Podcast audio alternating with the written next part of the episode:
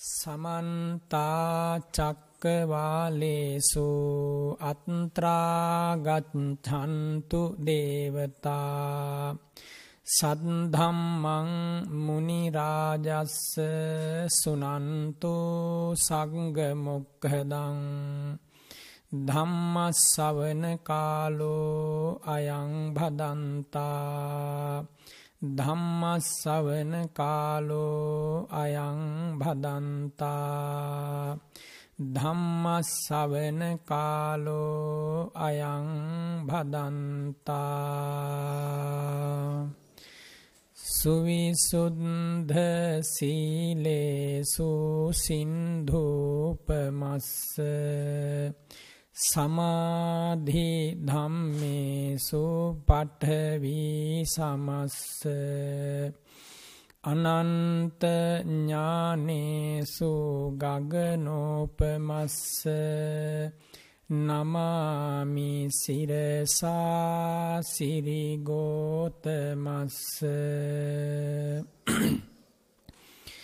පිරිසිදු සිල්කන්ද සමුදුරසේමා නිසාල සමාධිය මිහිකත්ත සේමා. අනන්ත ඥානය අහසක් සේමා. සිරිපා අභියස පිණිපාවේවා. මෝහන්ධකාරේසු සුරියූපමස්ස. සංසාර සෝතේසු සේතුපමස්ස. දෝසප් පවාහේසු මේඝූපමස්ස. නමාමි සිරසා ධම්මාම තස්ස මොහන්දුර සිඳාලන ලාහිරුසේමා සසර දියම්බ මැද පහුරක් සේමා කෙලෙස් කිලුටු හල වැස්සක් සේමා සදහම් රුවනට පිණිපාවේවා. පටිපත්ති සාරේසු සම්මාටිතස්ස. උජ්ජුභූත මග්ගේසු යානාගතස්ස. කුසලේසු ධම්මේසු හෙත්තූපමස්ස නමාමි සිරසා සුගතෝ රසස්ස. ගුණදම් පැතිරෙයි සුවඳක් සේමා. දම්රස දනවයි මිහිරක් සේමා. පින් ගංග ගලනා නිම්නය සේමා. මහා සංඝරුවනට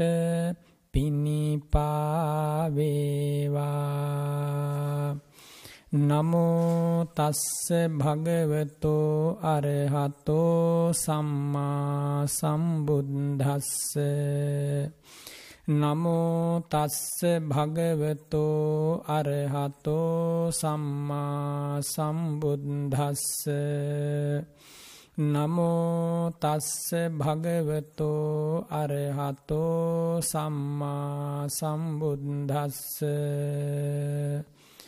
නාහං භික්ඛවේ ආදිකේ නේව අඤ්ඤාරාධනං වදාමි।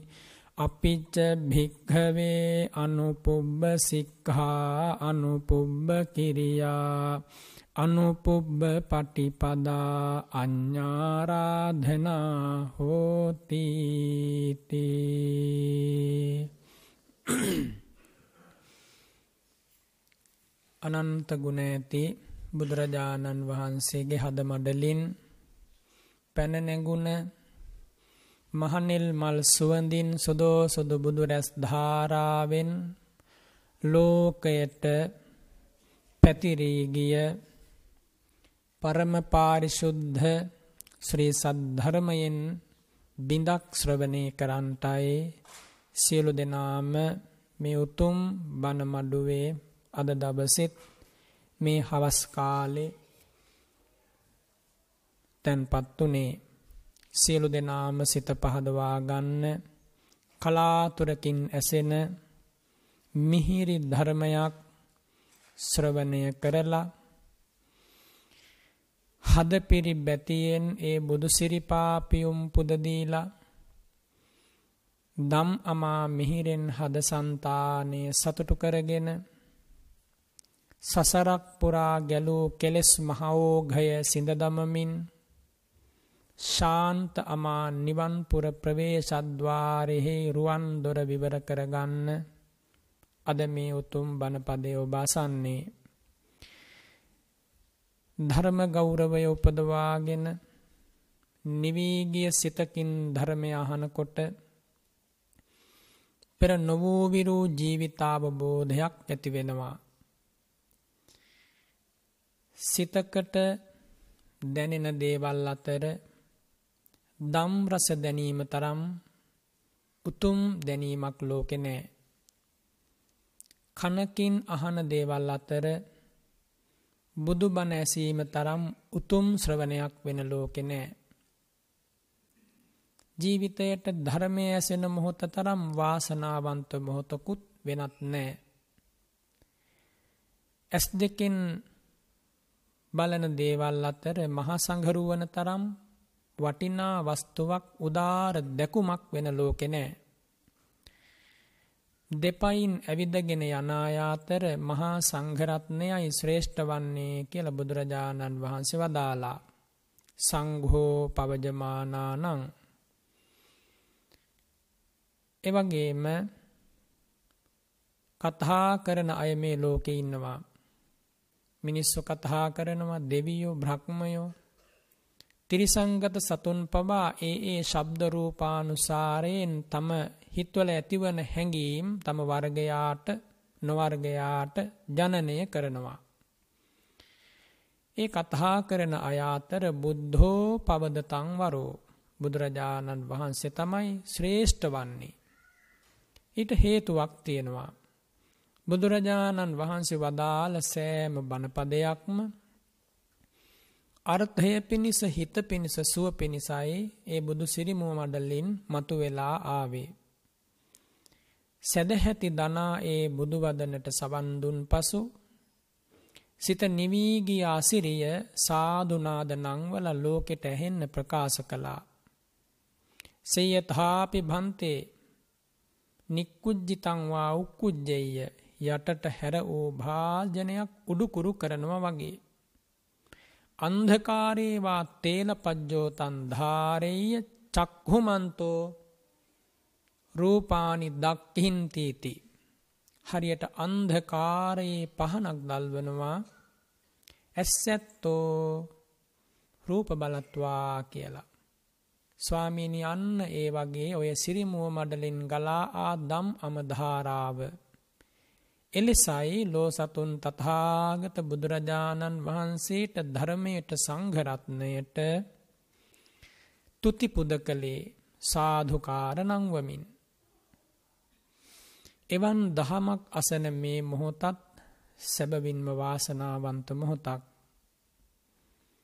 මම අද මේ පින්වත් සියලු දෙනා වෙනුවෙන් කියාදෙන්ට දේශනා කරන්ට බලාපොරොත්තු වන ධර්මපරයාය බුදුසිරි මුව මඩලින් වදාළ මිහිරි ධර්මපරයායක්. නාහම් භික්කවේ ආදිකේ නේව අඤ්ඥාරාධනං වදාමි. අපිච්ච භික්කවේ අනුපුබ්බ සික්හා අනුපුබ්බ කිරියා අනුපුබ්බ පටිපදා අඤ්ඥාරාධනා හෝතීති. මහනෙන මම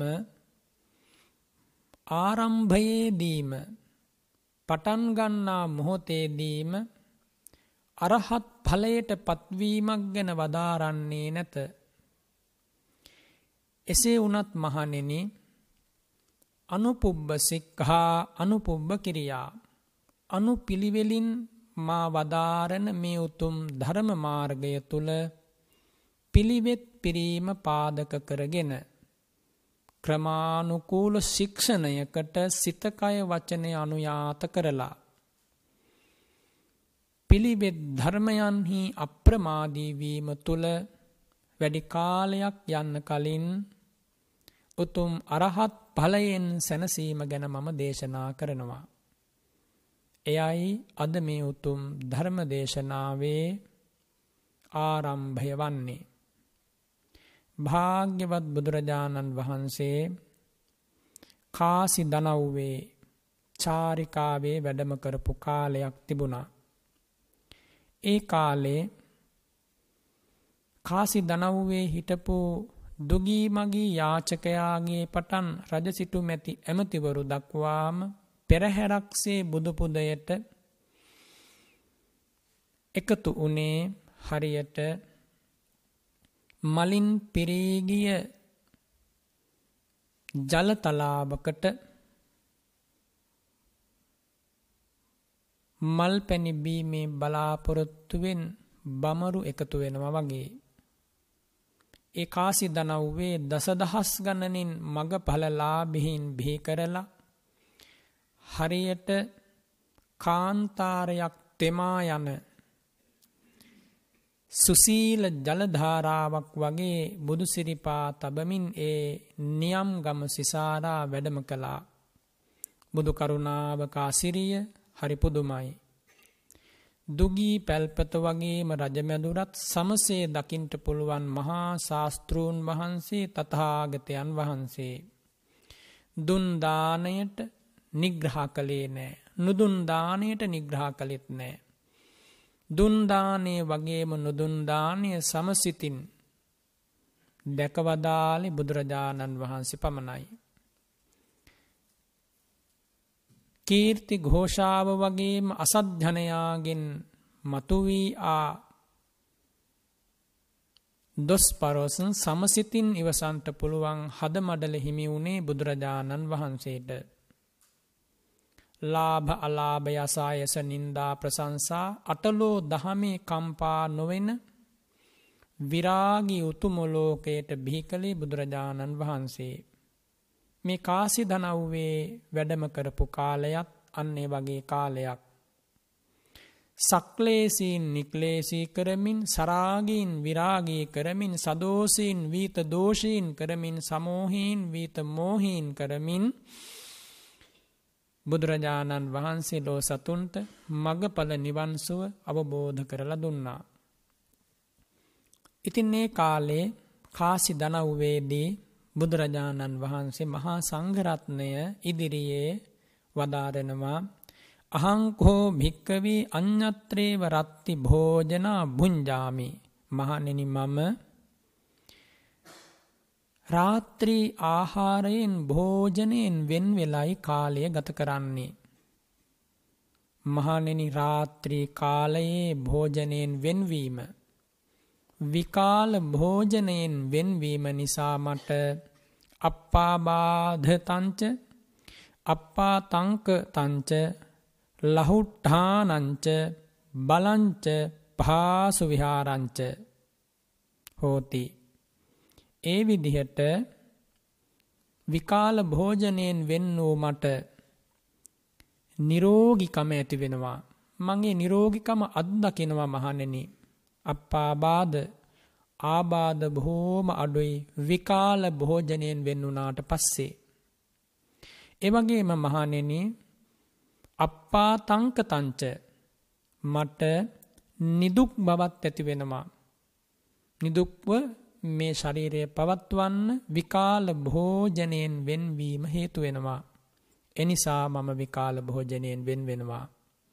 ලහුට්ඨානංච ඒ විතරක් නෙමෙයි මහණෙනි. බොහොම සැහැල්ලුවෙන් මගේ කය හසුරුවන්ටත් මට ඒ උපකාර වෙනවා. එනිසා මම විකාල භෝජනයෙන් වෙන් වෙනවා. බලංච මහනෙන එපමණක් නොවේ කායික ශක්තිය මට වෙනදාට වඩා ඇති වෙනවා මේ විකාල භෝජනයෙන් වෙන්වීම නිසා. ඒවගේම මහනෙනි පාසු විහාරංච බොහොම පහසුවෙන් තිහින මිද්ධයෙන් තොරව තරබාරු බවින් තොරව කාය ආලස්්‍යයෙන් තොරව පහසු විහරණයෙන් කල්ගත කරන්ට සක්මන් කරන්න සමාධී සමාපත්තීන්ට සමවදින්න. විකාල භෝජනයෙන් වෙන්වීම මට මහනෙනි හේතුවනා හේතු වෙනවා. බුදුරජාණන් වහන්සේ මේ පෙන්වා වදාරන්නේ කුමක්ද? විකාල භෝජනය හෙවත් උදයවරුවේ පෙරවරුවේ පමණක් දානි වැළඳීම පස්වරුවේ දානයන වැළඳවීම එම නැත්නම් අරුණෝදාවේ පටන් ඉර අවරට යන්න ඉර මුදුන් වෙලා අවරට යන්න කලින් දානය වළඳනවා පසුදා අරුණ නගිනකම්ම අරුණ උදාවෙනකම්ම හිරු මඩල පායනකම්ම ආහාරයක් ගන්නේ නෑ. පැය හයක් වගේ කාලයක් තමයි දන් කිස වෙනුවෙන් වෙන්වෙන්නේ පැහැ දහ අටකට අධික කාලයක් ආහාරයන් සොයාගෙන යන්නේ නෑ. මෙන්න මේ උතුම් ප්‍රතිපදාව තුළ මහනෙන මට මේ කියපු ආනිසංස පහලැබෙනවා. ආබාධාඩුයි නිදුක් බව වැඩි ශරීරය බොහොම සැහැල්ලුයි ඒවගේම ශක්තිමත් බලාත්මකයි සතර ඉරියව්ව පහසුවෙන් කරන්නට පුළුවන්. මහනෙන මම මේ ආනිසංස දකිමින් විකාල භෝජනයෙන් වෙන්වෙලා මේ උතුම් සම්බුද්ධ ජීවිතය ලෝ සතුන් උදෙසා හිතසුව පිණිස හසුරුවනවා. ඒත්හ තුම්හේ භික්කවේ අඥත්‍රේව රත්ති භෝජනා භුංජතහ මහනෙනි නුබලා මා සොයා පැමිණියේ මගේ උතුම් ධර්මයට ජීවිතය පූජා කළේ මහසඟරුවනට එකතු වනේ උතුම් චතුරාර්ය සත්‍ය අවබෝධ කරලා භවවිරාමය සසර විරාමය මේ ජීවිතය අත්දකින්ටයි. එනිසා මහනෙන නුබලාත් මේ ආනිසංස දකිමින් රාත්‍රී භෝජනයෙන් වෙන් වෙන්න. ඒ වෙනකොට පින්වතුනි ඇතැම් ස්වාමින් වහන්සේලා මගපල නොලබපු රාත්‍රී කාලයේ දවල් දොළහෙන් පස්සේ ආහාර වැළඳවා. මාර්ග පලලාබි උතුමෝ ධර්මස් ස්වභාවයක් හැටියට එයින් වෙන් වුණා. තථාගතයන් වහන්සේ ලෞතුරා බුද්ධරාජ්‍ය පිහිටුවල වැඩහිටපු මුල් අවුරුදු විස්සක කාලය තුළ එක්කම ශික්ෂාපදයක්වත් පැනෙව්වෙ නෑ. අවශ්‍ය වනේ නෑ ශික්ෂාපද පනවන්න. ඒ කාලෙ හිටපු ස්වාමින් වහන්සේලට අධිසීල ශික්ෂාව අධි ප්‍රඥා ශික්ෂාව මාර්ග පහල නිසාම ලැබුණා.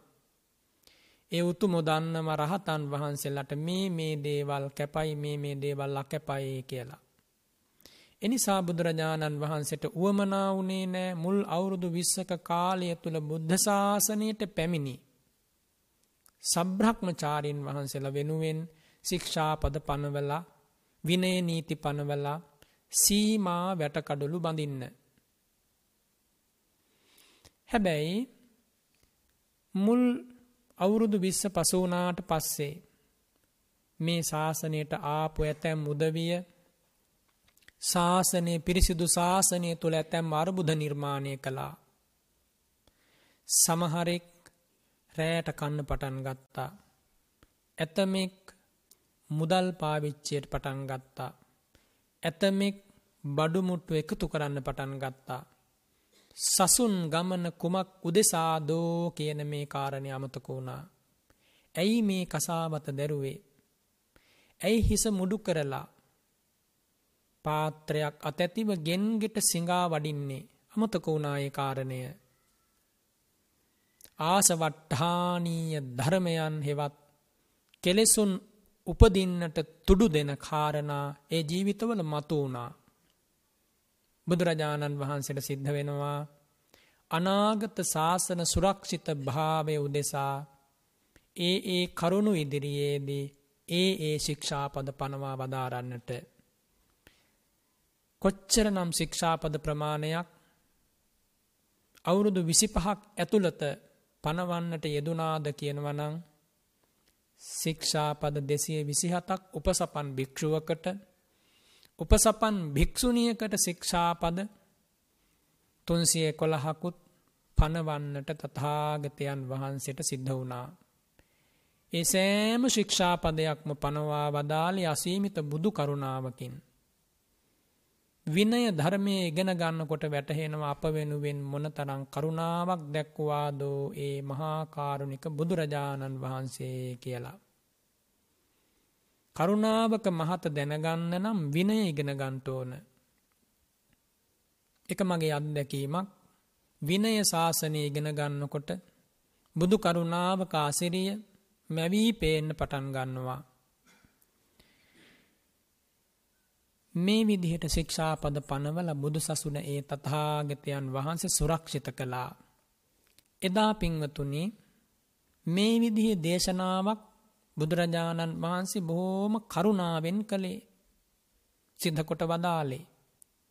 කිසිම මොහොතක එය බලහත්කාරයෙන් කළ පැනවීමක් නෙමෙයි. ආනිසංස පහක් පෙන්නුවන් නිරෝගිකම නිදුක්කම පහසු විහරණය බලය සතරීරියව් පැවැත්මට ඇති අනුකූලතාව මෙන්න මේ වගේ ආනිසංස පහක් නිසා මම විකාලයෙන් වෙන්වෙන්වා නුබලත්තේ ආනිසංස දකිමින් වෙන් වෙන්න. මේ දේශනාව එදා හිටපු සිල්වත් ගුණවත් ගුණගරුක ධර්මකාමී සියලු දෙනාම දොහොත් මුදුන් දීලා සාදුකාර දීලා පිළිගත්තා. ස්වාමීනී එසේමයි අපි පිළිගෙන වදාරනවා අදින් පස්සේ කවදාකවත් හවස් කාලේ කුසපිරෙන්ට කුසපුරවගන්ට බත් වේලක් හොයන්ට විකාලේ අපි යන්නේ නෑ පිණ්ඩපාතේ. බුදුරජාණන් වහන්සේ ඒ විදිහට ශික්ෂාපද පනවනකොට ඇතැම් කෙනෙක් විකාලයේ ආහාර වැළඳුවා ඒ කියන්නේ 12න් පස්සේ ආහාර වැළඳුවා. ඇතැම් කෙනෙක් රාත්‍රී භෝජනයත් වැළඳුවා. එතකොට දහවල් විකාලය රාත්‍රී විකාලය කියලා මේ විදිහට වෙලාවක් නොවෙලාවක් නොසිතා ආහාර සොය සොයා ගියා. බුදුරජාණන් වහන්සේගේ මේ පැනවීම ගෞරවයෙන් පිළිගත්ත වගේම ඊට අකමැති වෙච්ච පිරිසකුත් මේ ශාසනය තුළ එදා හිටියා. අතකහෝ භගවා චාරිකන් චරමානෝ යේන කීටාගෙරි නාම කාසීනන් නිගමෝ තදවසරේ. ඔය විදිහට ඔය ශික්ෂාපදය නැත්තං ඔය පැනවීම බුදුකරුණාවෙන් සිද්ධ කරලා. තථාගතයන් වහන්සේ කීටාගිරියේ නැත්තං කීටා කිරි කියන කසී දනව්වේ පිහිටි එක්තරා නියම් ගමකට බුදු කරුණාවෙන් වැඩම කළා. තේන කෝපන සමයේන අස්සජි පුනබ්බ සුකහා භික්කූ කීටා ගිරිස්මින් ආවාසිකා හොන්තේ. ඒ කාලේ ඒ කීටාගිරි ප්‍රදේශයේ තිබුණ එක්තරා ආරාමයක්. ඒ ආරාමේ ප්‍රමුඛ නායකත්වය උසුලන භික්‍ෂූන් වහන්සල දෙනමක් හිටියා. එක්කෙනෙක් තමයි අස්සජි භික්‍ෂුව අනිත් කෙනා තමයි පුනබ්බසුක භික්‍ෂුව මේ දෙදෙන තමයි ඒ විහාරයේ ප්‍රධාන භික්‍ෂූන් වහන්සේල දෙනම. ඔවුන් වෙත වැඩම කරපු බුදුරජාණන් වහන්සේ වදාළ පැනවීම විකාල භෝජනයෙන් වෙන්වීම නම් වූ පැනවීම ගෞරවයෙන් පිළිගත්ත සඟ පිරිස ප්‍රකාශ කරන්නට යෙදුනා ඇවැත්නී අප අමාමෑනී තිලෝගුරු බුදුරජාණන් වහන්සේ අප වෙනුවෙන් බුදුකරුණාවෙන් විකාල භෝජනයෙන් වෙන්වීම වටිනාකම දේශනා කොට වදාලා. අපි ඒ ඉතා ගෞරවයෙන් ආදරයෙන් ආදෘතව පිළිගත්තා. අද පටන් කිසිදාක විකාල භෝජනයක් අප කෙරෙන් සිදු නොවනු ඇති නුබලාත් විකාල භෝජනයෙන් වෙන්වන්න. මෙහෙම කිව්වට පස්සේ ඒ අස්සජී පුනබ්බ සුඛ කියන භික්‍ෂූන් වහන්සේලා දෙනම ප්‍රකාශ කරනවා මයංකෝ ආවුසෝ සායන්්‍යේව බුංජාම පාතෝච දිවාච විකාලේච. ඇවැත්නේ අපි උදේ කාලෙත් දං වලඳනවා. දවල් දොළහෙන් පස්සෙත් දං වලඳනවා. රාත්‍රී කාලෙත් දං වලඳනවා ලැබෙන ලැබෙන හැමවෙලාවකම ආහාර අනුභව කරනවා. එහෙම කරන කොටයි අපට නිදුක් බව නිරෝගි බව පහසු විහරණය කායික සවිය ලැබෙන්නේ. බලන්න ඔවුන් ප්‍රකාශ කරපු හැටි. බොහොම භද්‍ර යෞවනයේ ගත කරන මේ පිරිසට හොඳ කාය ශක්තියක් කාය බලයක් තිබුණ. එයත්තෝ බුදුරජාණන් වහන්සේගේ පැනවීමටත් පිටු පෑවා. මේ වගේ කාලයක ශාසන අර්බුදයන් පැනනැගීම ගැන කියන්න දෙයක් තියෙනවද. ජීවමාන බුදුරජාණන් වහන්සේ වැඩහිටපු කාලෙ පවා. සඩ්වරණ බුද්ධරස්මි මාලාවන් දෑසින් දැක දැක පවා. දෙවියන්ගේ බ්‍රහ්මයන්ගේ පැමිණීම ඒ බුදුපුදය දැක දැක පවා. අසිරිමත් බුදු පෙළහර දැක දැක පවා. මරහත් උතුමෝ මොහොතින් මොහොත බිහිවෙන හැටි දැක දැක පවා ඇතැම් භික්‍ෂූන් වහන්සේලා කොච්චර නම් නොමගට ගියාද. රසයට ගිජූනාද කාමයන්ට වසඟවනාද. ඔබ මෙවා මෙනෙහි කල්ල බලන්න. කෙලෙසුන්ගේ ඇති බලවත්කම කෙලෙසුන්ගේ ඇති නිහීනකම කෙලෙසුන්ගේ ඇති නීච බව කොච්චරද කියනවනං බුදුරජාණන් වහන්සේ ඉදිරියේ පවා සංවර වුණා. ඒ බුදුරජාණන් වහන්සේගේ ශ්‍රී සත් ධර්මයට පවා පිටු පෑබා. තමාගේ හිතසුව පිණිස වදාළ ධර්මය එපා කියල කිව්වා. නිවන්සුව එපා කියල කිව්වා. පැවිද්ද පැවිද්දේ අරමුණ අමතක වුණා. කසාවත ජීවනෝපායක් කර ගත්තා. මේ ධර්මාන බුදුරජාණන් වහන්සේ වැඩහිටපු සමයේ. එය ඇත්තු කියනවා තේමයන් කින් සන්දිට්ඨිකං හිත්වා කාලිකං අනුධාවාම ඇයි අපි මේ ඇස්පනාපිට තියෙන සැපය අතහැරලා මේ අනාගතය ලැබෙන නිවනක් වෙනුවෙන් දුක්විදින්නේ බඩගින්නේ. ඒ විදිහටම ප්‍රකාශ කළා. දානෙත් ලැබෙනවනං රෑටත් ලැබෙනවනං කොයි වෙලාවි කෑවත් මොකද වෙන්නේ. බඩගිනි වෙන වෙලාවයි කාලය කියන්නේ. අන්නේ විදිහට මේ ධර්මය තෝරලා දෙන්න පටන් ගත්තා. කොයි වෙලාවේ බඩගිනි වුණත් කෑවට කමක් නෑ අන්න එක තමයි කාලය කියන්නේ. බඩ පිරලා තියෙන වෙලාවයි විකාලය කියන්නේ කියලා ඔවුන් කිව්වා. මේ බුදුරජාණන් වහන්සේට කොච්චර නම් ධර්ම සංවේගයක් ඇතිවෙන්ට ඇතිද. තේ භික්කූ නාසක් හිංසු අස්සජි පුනබ්බ සුකේ භික්කූ සංඥාපේතුන් අර සඟ පිරිසට බැරි වුණා අස්සජි පුනබ්බ සුක කියන මේ භික්‍ෂූන් වහන්සේලාට විකාල භෝජනයෙන් වෙන්වීම වටිනාකම කියල දෙන්න. ඔවුන් ප්‍රතික්ෂේප කළා. බුදුරජාණන් වහන්සේ ළඟට වැඩම කරපුවේ සිල්වත් සඟ පිරිස ප්‍රකාශ කරනවා ස්වාමීණී අපි මේ කීටාගිරි ආවාසයට ගිහිල්ලා අස්සජි පුනබ්බසුක භික්‍ෂූන්ට ප්‍රකාශ කළා භාග්‍යවතුන් වහන්සේ විකාල භෝජනයෙන් වෙන් වෙන්න කියපු ඒ වටිනා ගුණය ගැන ඒ ශික්කපදය ගැන ඒ උතුම් පැනවීමට අපි අනුයාත වූ බවත් නුබලාත් ඊට අනුයාත වන්න කියලා අපි ප්‍රකාශ කලාට පස්සෙ ස්වාමීණි ඔවුන් ඒක මතිකව ඒ බුදු පැනවීම සම්බුදු පැනවීම ප්‍රතික්ෂේප කලා ස්වාමීණී. ඔවුන් එය ඉවත දැම්ම ස්වාමීණී. ඔවුන්නේ විනය සිකපදය කණ්ඩනය කලා ස්වාමීණී. බුදුරජාණන් වහන්සේ අසාගෙන හිටියා.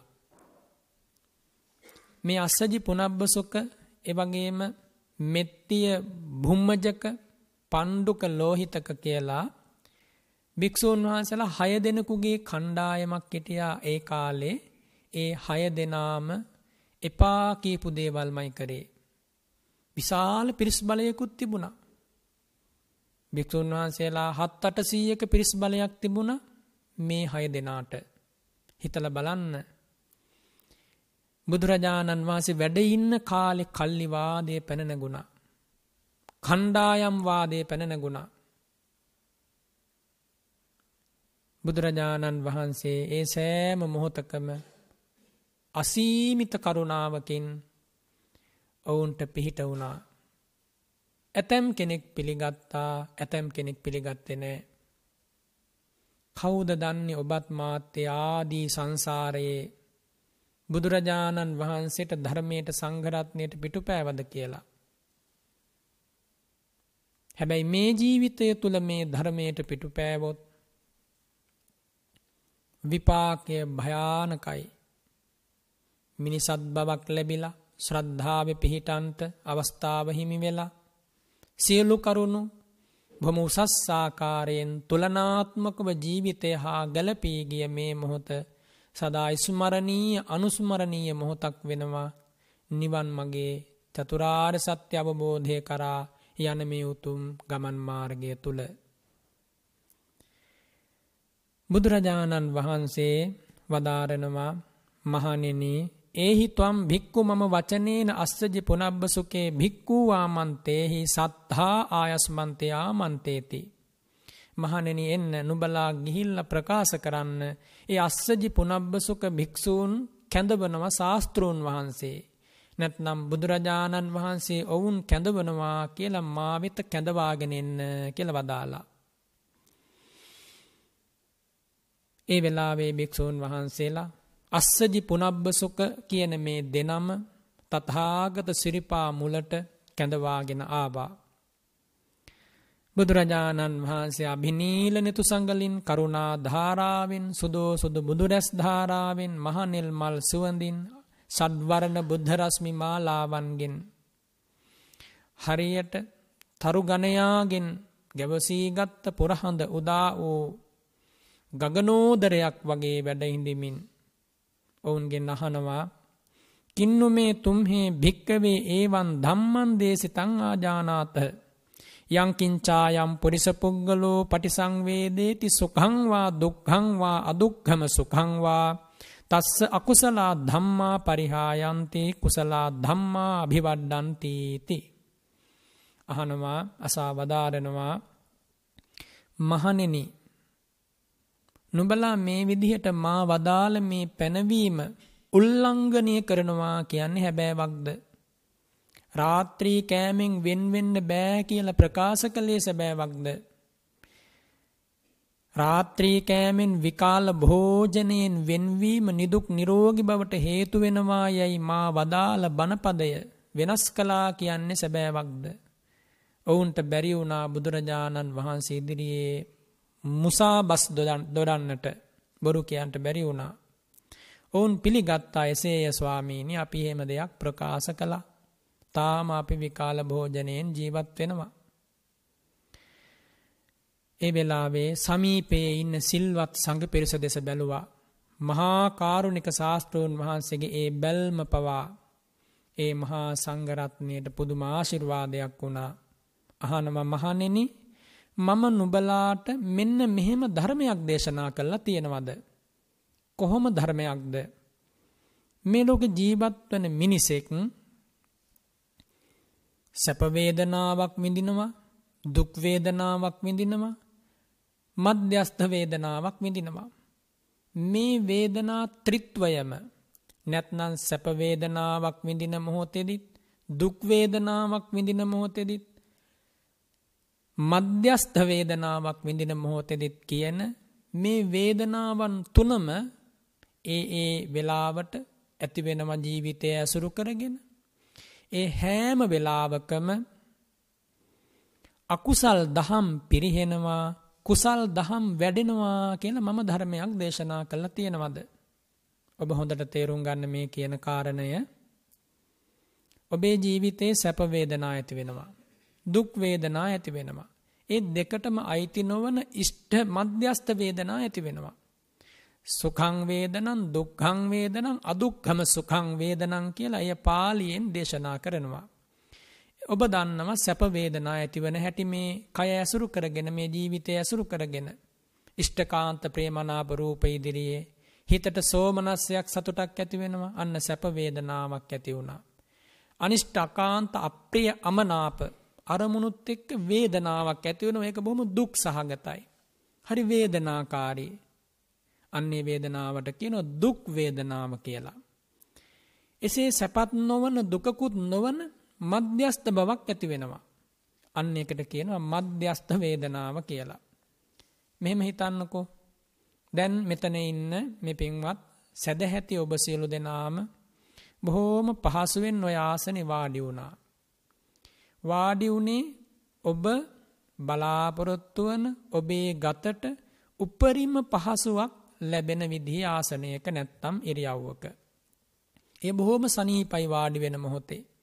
කිසි වේදනාවක් නැහැ. හැබැයි ටික වෙලාවක් යනකොට ඒ සනීපය අතුරුදන් වෙලා මධ්‍යස්ථ බවක් දැනෙන්න ගත්තා. තව ටික වෙලාවක් යනකොට ඒ ආසනයම ඒ ඉරියව්වම බොහොම වේදනාකාරී ඉරියව්වක් බවට පත් වෙනවා. සැප වේදනාව, දුක් වේදනාව, නැත්නම් සැප වේදනාව, මධ්‍යස්ථ වේදනාව, දුක් වේදනාව. බුදුරජාණන් වහන්සේ වදාරනවා ඒ වේදනාවම කායික සුඛ වේදනාව, කායික දුක්ඛ වේදනාව, සෝමනස්ස වේදනාව, දෝමනස්ස වේදනාව, උපේක්ෂා වේදනාව කියලා ආකාර පහකින් මේ කරජකය හෙවත් ඕලාරික රළු වූ ඔය මස් වැදැල්ල නැත්තම් මේ මාංශ ශරීරය ඇසුරු කරගෙන ඇතිවන දුක් වේදනා තියෙනවා සැප වේදනා තියෙනවා. එය ඇසුරු කරගෙන හෝ ඇසුරු කරගන්නේ නැතිව මනසට එන දුක් වේදනා තියෙනවා සැප වේදනා තියෙනවා. ඒ වගේම මනසට එන මධ්‍යස්ත වේදනා තියෙනවා. මේවා මේ හැමෝටම යම් පමණකින් හෝ වැටහෙනවා. ආගන්තුක දේවල් නෙමෙයි. ජීවිතය කියන්නේ පුංචි කාලේ ඉඳන් සැප වේදනාව දුක් වේදනාවෙන් ඒ වේදනාව අදුක්කම සුඛ වේදනාවෙන් මේ විදියට පෙරලි පෙරලි ආපු ගමනක්නේ මේ ජීවිතේ පමණක්ද නෑ අනන්ත සංසාරයක් ඔය වේදනාවන්ගෙන් වේදනා විපරිණාමයෙන් දුක් විඳා මහා නිරය කියන්නේ අතරක් නෑර දුක් වේදනා. තිරිසන් ලෝකෙත් එහෙමයි പ്രേත ලෝකෙත් එහෙමයි. දිව්‍ය ලෝකේ බ්‍රහ්ම ලෝකේ දුක් වේදනා ලැබෙන්නේ නෑ කායිකව. මේ මිනිස් ලෝකේ කියන්නේ ඔය හැම වේදනාවක්ම කලින් කලට ලැබෙනවා. මේ රූපය ඇසුරු කරගෙන ආපු වේදනා හඬපු කඳුළු විලාප තැබීම් මෙතන ඉන්න හැමෝටම හුරුයි. කඳුලක් නොගැලූ දෑසක් මෙතන නෑ. හැම දෑසකින්ම වගේ කඳුලක් ගලාගෙන ආවා. නොහඬපු කෙනෙක්වත් මෙතන නෑ. හැමෝම වගේ ඒ කරුණු ඉදිරියේ හඬා බැලපුණා අවසානයේ වෙහෙසක් විතරයි ඉතුරු වුනේ. යලි කිසිදා නොහඬන්න නොවැළපෙන්න කඳුළු නොසලන්න මේ උතුම් ධර්මයේ ජීවිතයට ගලප ගන්න ඕන. ඒ උදෙසා තමයි මේ උතුම් බණපදය ඇහෙන්නේ. බුදුරජාණන් වහන්සේ වදාරනවා කෙනෙකුට සැප වේදනා ලැබෙන මොහොතෙත් දුක් වේදනා ලැබෙන මොහොතෙත් මධ්‍යස්ථ වේදනා ලැබෙන මොහොතෙත් කියන මේ අවස්ථා තුනේම මේ අවස්ථා තුනෙන් වෙන් වූ ජීවිතයක් නැහැ. සෑම මොහොතකම වේදනාව නම් වූ චෛතසික ධර්මය සිතත් එක්ක පහළ වෙනවා. පස්ස වේදනා සංඥා චේතනා ඒකග්ගතා ජීවිතේන්ද්‍රිය මනසිකාර කියන මේ චෛතසික සමුදාය සෑම සිතක් එක්කම පහළවන නිසා හඳුන්වනවා සබ්බ චිත්ත සාධාරණ චේතසික ධර්ම කියලා. එනිසා වේදනාවෙන් තොර හිතක් පහළ වෙනවා කිව්වොත් ඒක ධර්ම විරෝධී වේදනාවෙන් තොරව හිතක් පහළවන්නේ නැති නිසා. එනිසා සෑම මොහොතකම සෑම සත්වයෙක්ම කුමක් හෝ වේදනාවකින් පසු වෙනවා. බුදුරජාණන් වහන්සේ අසා වදාරෙනවා මම දේශනා කළාද ඒ සෑම මොහොතකම සත්වයන්ට කුසල් වැඩෙනවා අකුසල් පිරියෙනවා කියලා කාරණයක්. එහෙම දේශනාවක් කරලා නැහැ. එහෙම සිද්ධ වෙනවා නම් තිරිසන් සතුන්ටත්, නිරේ ඉන්න නැත්තන්ටත්, මිනිසුන්ටත්, දෙවියන්ටත්, බ්‍රහ්මයන්ටත් හැම මොහොතකම කුසල් වැඩෙනවා. අකුසල් පිරියෙනවා. එහෙනම් අමුතුවෙන් ආයාසයක් දරලා කුසල් උපදවන්ට උමනා නෑ. ඇයි નિરાයාසයෙන් කුසල් සිත් වැඩෙනවන්නේ? බුදුරජාණන් වහන්සේ වදාළේ එහෙම ධර්මයක් නෙමෙයි. භාග්‍යවතුන් වහන්සේ වදාරනවා සක්කා භික්කවේ අකුසලම් පජහිතුන් සක්කා භික්කවේ කුසලම් භාවේතුන් මහණෙනි අකුසලයේ ප්‍රහාණය කරන්නට පුළුවන් කුසලයේ වඩන්ට පුළුවන් නෝචේ සක්කා අභවිස්ස අකුසලම් පජහිතුන්. මේ අකුසල පාපී ධර්මයන් දුරු කරන්න බැරි නම් මම වදාරන්නේ නෑ මහනෙනි කුසල් වඩන්ට පුළුවන් කියලා. එනිසා බුදුරජාණන් වහන්සේ ඒ ජීවිතේ භාවිතයට ගත්ත ධර්මය මේ විදිහට දේශනා කරනු ලබන්නේ. ඉතින් භික්‍ෂූන් වහන්සේලා ප්‍රකාශ කරනවා ස්වාමීණී එහෙම ධර්මයක් තතහාගතයන් වහන්සේ වදාරලනෑ. තතාගතයන් වහන්සේ ඒ විදිහ දේශනාවක් කිසිදාක සිද්ධ කරලනෑ. බුදුරජාණන් වහන්සේ සාධකාර දෙනවා මහණනි බොහෝම හොඳයි දරා ගැනීම මම එහෙම ධර්මයක් දේශනා කළා නෑ. එහෙනම් කොහොම ධර්මයක්ද බුදුරජාණන් වහන්සේ වදාරලා තියෙන්නේ. තථාගතයන් වහන්සේ වදාරනවා ඉදේකච්චස්ස ඒවරූපන් සුඛං වේදනං වේදියතෝ අකුසලා ධම්මා අභිවඩ්ඩන්ති කුසලා ධම්මා පරිහායන්ති. හොඳට මේ කියන කාරණය මෙනෙහි කරන්න නිහඬ සිතකින්. මෙව සංසාරයකට කරන ආයෝජනයක්. මේ උතුම් බණපදය ඇසීම. මහණෙනි ඇතැම් වේදනාවක් තියෙන ඇතැම් සැප වේදනාවක් තියෙනවා අන්නේ සැප වේදනාව සොය සොයා යද්දී ඒ සැප වේදනාව හඹාගෙන යද්දී ඒ සැප වේදනාව විඳිනකොට අකුසල් දහම් වැඩෙනවා පව් වැඩෙනවා කුසල් දහම් පිරිහෙනවා ඔන්න බුදුරජාණන් වහන්සේ වදාළ ධර්මය එක ගිහියත්තන්ටත් එහෙමයි පැවිද්දන්ටත් එහෙමයි ගිහි ඇත්තෝ අපි හිතමුකෝ මේ ජීවිතය ගත කරගෙන යද්දී සැප වේදනාවක් බලාපොරොත්තුවෙන් සැප වේදනාවක් මුල් කරගෙන සිනහා වෙවි බොරු කියනවා කියලා. ඒ වෙලාවේ බොරු කියන වෙලාවේ පහළ වෙන්නේ ලෝභ මූල සෝමනස්ස සහගත අකුසල් සිතක්. අන්නේ වෙලාවේ කියනවා වේදනාව සැප වේදනාවක් කියලා. එතකොට සැප වේදනාවෙන් යුක්ත සිතකින් බොරුවක් කියනවා. අන්නේ වෙලාවේ ඒ වේදනාව ඇසුරු කරනකොට යාට නූපන් අකුසල් ඇති වෙනවා අකුසල් දහම් වැඩෙනවා කුසල් දහම් පිරිහිලා යනවා. ඒක සත්‍යයක්ද අසත්‍යයක්ද කියලා ඔබම දකින්න ජීවිතය තුළින්. පැවිද්දන්ටත් එහෙම තමයි. අපි හිතමකු පැවිද්දෙක් රාත්‍රී කෑම රාත්‍රී ආහාරය කුසගිනි වේදනාව දුරුකරගන්න කියලා හිතලා අනුභව කරනවා වළඳනවා. එතකොට රෑකෑම ගත්තට පස්සේ රෑ රෑ ආහාර ගත්තට පස්සේ කුසගිනි වේදනාව දුරු වෙලා සැප වේදනාවක් ඇති වෙනවා. හැබැයි පැවිද්දට ඒ සැප වේදනාව උපදිනකොටම බොහෝ අකුසල ධර්ම වැඩෙනවා කුසල් දහම් පැවිද්දගේ පිරිහිලා යනවා. ගීයත්තන්ටත් ඒ වගේ පැවිද්දන්ටත් ඒ වගේ ඇතැම් සැප වේදනාවක් තියෙනවා ඒක හොයන්න ගියොත් ඒක ඇසුරු කරන්න ගියොත් නූපන් දුක ඇති වෙනවා උපන් සැපය පිරිහෙනවා. හැබැයි මේ කරන මොහොතේ සැප වේදනාවක් දැනෙනවා. එවන් ධර්ම සමාදානයන් ලෝකෙ මිනිස්සු නොදැන නමුත් අප්‍රමාණ පිරිසක් අනුගමනය කරනවා. මේ ලෝකෙ මිනිස් ලෝකේ අත්ති බහුතරයක් සැප වේදනා සොය සොයා සැපයට වසඟ වෙලා කුසල් දහම් පිරිහෙලාගෙන අකුසල් දහම් වඩන එක තමයි සිද්ධ කරන්නේ. ඒ අත්තු දන්නේ නෑ මේ සැප වේදනාව ඇසුරු කළොත් පාපේමයි වැඩෙන්නේ කියලා.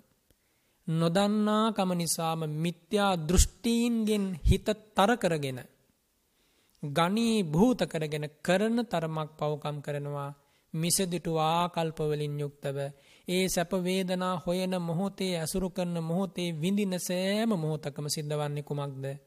අකුසල් දහම් වැඩෙනවා කුසල් දහම් පිරිහෙනවා. අන්න බුදුරජාණන් වහන්සේ දේශනා කරනවා ඒ වගේ සැප වේදනාවක් හොයන්න එපා කියලා. කොහොම සැප වේදනාවක්ද? යම් සැප වේදනාවක් විඳිද්දී නූපන් අකුසල් වැඩෙනවා නම් උපන් කුසල් පිරිහෙනවා නම් ඒ වගේ සැපයක් හොයන්න එපා ඒ తాවකාලික වින්දනයෙන් ඇති පළක් නෑ. ඒ తాවකාලික මොහොතක සුවය අනාගතයේ දුකට හේතු වෙනවා නම් ප්‍රඥාවන්තයා එවන් ලාමක සැපයක් හොයන්නේ නෑ. ඔන්න බුදුරජාණන් වහන්සේ වදාළ දේශනාව.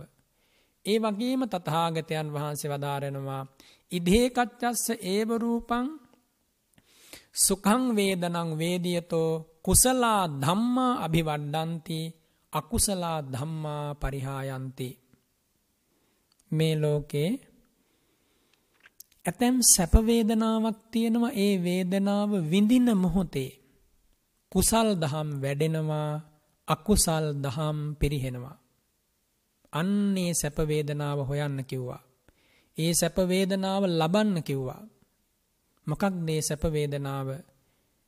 ගිහියත් එක් ගත්තොතින් උදෑසන අවදි වෙලා මල් දෝතක් අතට අරගෙන සුදු වතින් සැරසිලා ගත පිරිසිදු කරගෙන බුදු ගුණ සිහි කරලා සිතත් පිරිසිදු කරගෙන බුදුරජාණන් වහන්සේ වෙත ගිහිල්ලා ඒ මල්දෝත බුදු ගුණ සජ්ජායනා කරමින් සිරිපා භියස තැන්පත් කරලා දෑත නලලේ තබා වන්දනා කරන මොහොතේදී හිත සතුටින් පිරී යනවා. අන්නේ සැප වේදනාව නිසා හිතත් පිරිසිදු වෙලා හිතත් සංවර වෙලා හිතත් පිනා ගිහිල්ලා ගතත් සංවර වෙලා ගතත් පිනා ගිහිල්ලා. අන්න ඒ සැප වේදනාව නැවත නැවත විඳින්න කිව්වා.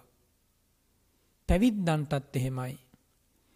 පැවිද්දෙක් සිල්වත් ජීවිතයක් ගත කරමින් ආමිස පූජා කරනවා ප්‍රතිපත්ති පූජා කරනවා.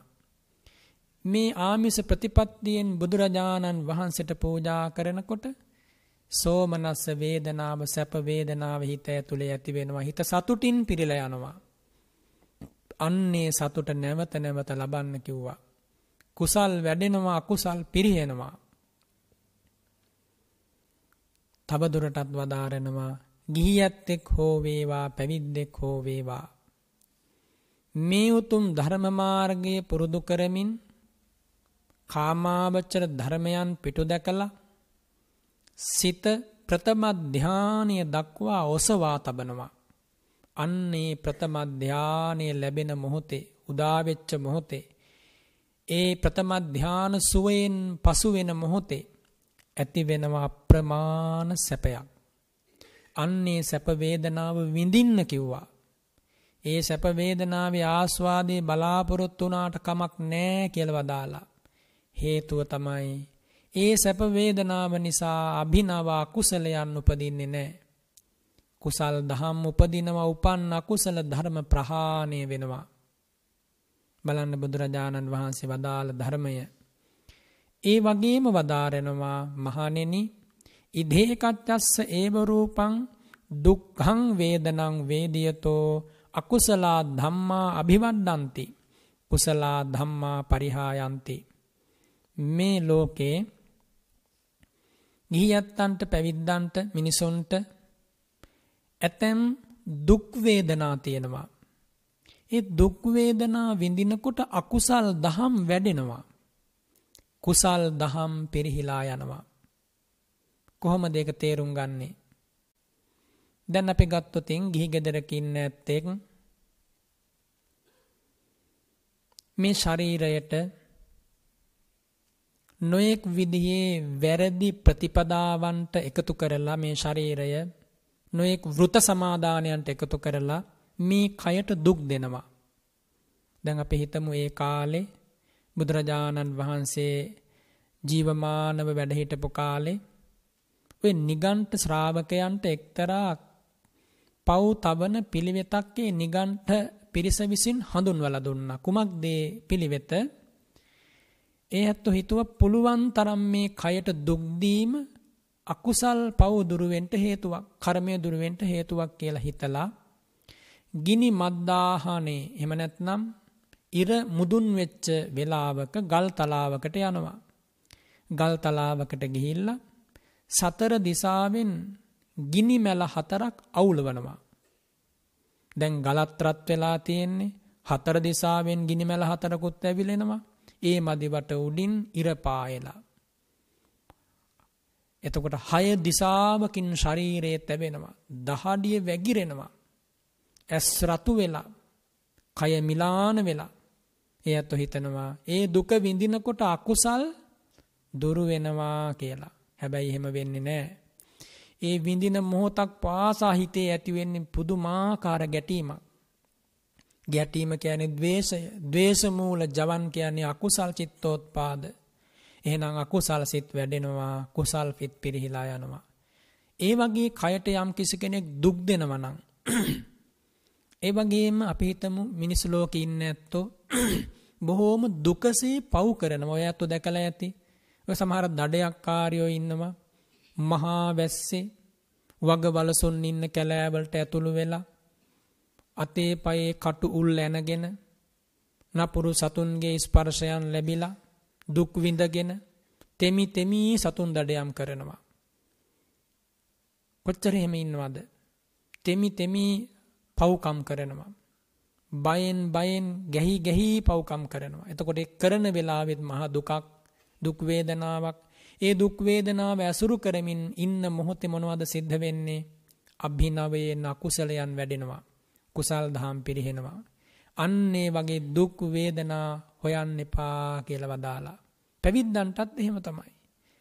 යම් දුක් වේදනාවක් විඳිද්දි අපි හිතමුකෝ මේ උතුම් බුදු සසුනට ඇතුළු වන කුල පුත්‍රයන්ට හැමෝටම එක විදිහේ දරා ගැනීමක් කරන්න බෑ.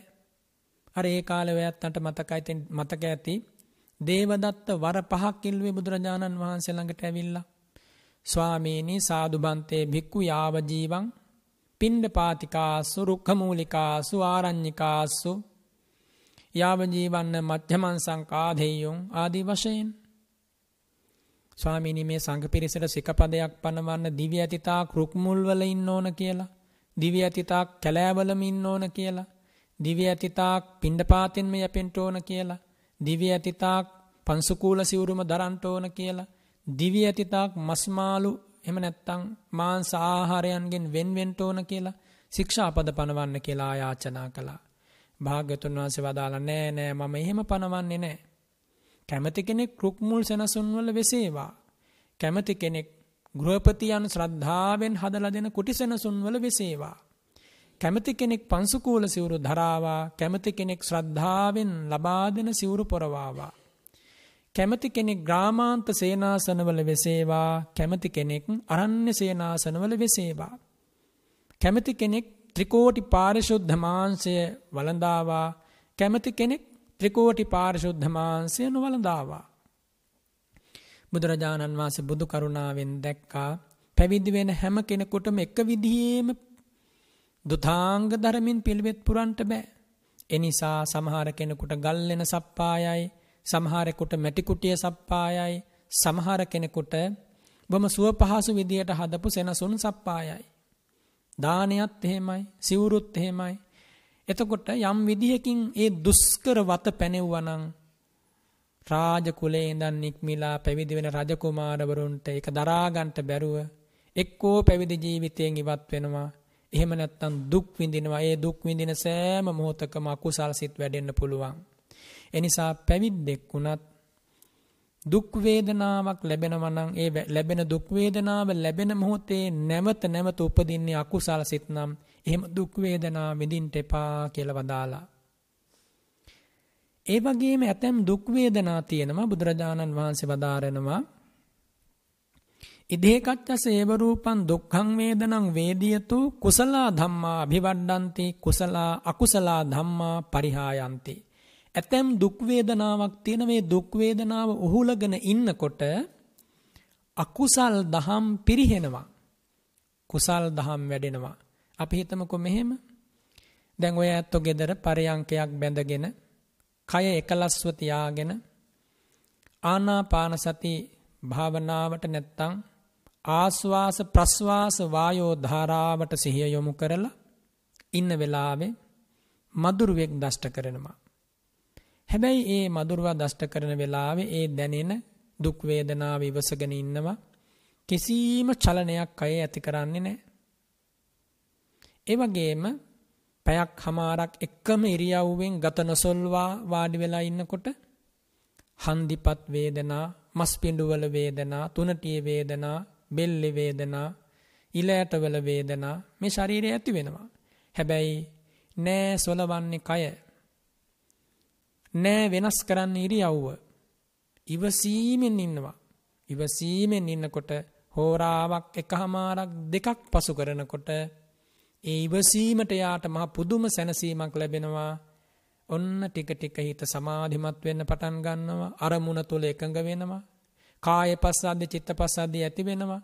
මුළු ගත පුරාවට සිහින් වායෝ ධාරාවක් බසිනව වගේ සනීපයක් දැනෙන්න පටන් ගන්නවා. අර වේදනාවන් කොහේ ගියාද නැහැ අතුරු දන් වෙලා යනවා.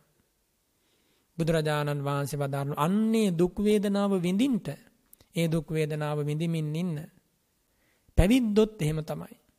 පැවිද්දොත් ඒ විදිහට විකාල සමහර විට රාත්‍රී භෝජනයෙන් වෙන් වෙලා ඉන්නකොට කුස පිච්චෙන්න වගේ වේදනාවක් ඇති වෙන්න පුළුවන්. ස්වාමින් වහන්සේලාට එතකොට තුන් සිවුරෙන් විතරක් ජීවත් වෙනකොට යම් යම් අපහසුතා ඇති වෙන්න පුළුවන්. පිණ්ඩපාතින් පමණක් ජීවත් වෙනකොටත් අපහසුතා ඇති වෙන්න පුළුවන්. දුක් වේදනා ඇති වෙන්න පුළුවන්. දුර ඈත ප්‍රදේශවලට යොදුන් ගණන් පයින් වඩිනකොට හැබැයි ඒ දුක් වේදනාව විඳින්න කිව්වා. වැඩෙන්නේ කුසල් දහම් නිසා. එන ඔබ තෝරගන්න ඔබේ ජීවිතයේ ඔබ විඳින සැප දුක් වේදනා ඔබට හිත පිණිස දහිත පිණිසද පවතින්නේ කියලා. ඒ විඳින විඳින සෑම වේදනාවකින්ම වැඩෙන්නේ කුසල් දහම් නම් හිත පිරිසුදු වෙනවා නම් කුසල් සිත් නැවත නැවත පිණසිත උපදිනවා නම් ඒක සැපක් හෝ වේවා දුකක් හෝ වේවා දෙපාරක් නොහිතා ඒක විඳින්න බුදුරජාණන් වහන්සේ වදාරනවා. වැඩෙන්නේ අකුසල් සිත් නම් පාපී හැඟීම් නැවත නැවත මතුවෙනවා නම් ඒක සැපක් හෝ වේවා දුකක් හෝ වේවා දුරු කරන්න උත්සාහවත් වෙන්න. ඔය විදිහට තමයි නිවන් මගේ ගමන් කරන ශ්‍රාවකයාට ඉදිරියට යන්න තියෙන්නේ. ඊළඟට තථාගතයන් වහන්සේ එදා කීටාගිරියේදී වදාරනවා ඉදේ කච්චස්ස ඒව රූපං අදුක්ඛම සුඛං වේදනං වේදියතෝ අකුසලා ධම්මා භිවඩ්ඩಂತಿ කුසලා ධම්මා පරිහායන්ති මහණෙනි මධ්‍යස්ත වේදනාවක් තියෙනවා. ඒ මධ්‍යස්ත වේදනාව විඳිනකොට අකුසල් වැඩෙනවා පව් වැඩෙනවා. කුසල් දහම් පිරිහෙනවා. ගිහියන්ටත් එහෙමයි පැවිද්දන්ටත් එහෙමයි. ඔය ඇත්තු යම් යම් දේවල් වලදී මධ්‍යස්තව එක විඳ දරාගෙන ඉන්නකොට අපි හිතමුකෝ ජීවිතයේ ශික්ෂාපදයක් කැඩෙන මොහොතක් එනවා.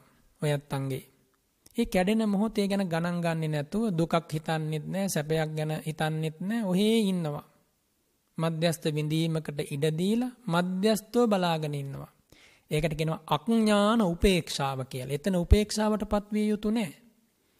ජීවිතේ යම් විනාශයක් සිද්ධ වෙනවා නම් සීලයෙන් ගුණයෙන් ධර්මයෙන් පිරිහි පිරිහි යන අවස්ථාවකට මුහුණ දෙන්න සිද්ධ වුණොත් එතන රැඳෙන්නවත් එපා කියනවා. ලාභයක් ලැබෙනවා. ඒ ලාභය දුරු කරන්න කියනවා. අධර්මයෙන් ලැබෙන සැපේ පිටු දකින්න කියනවා.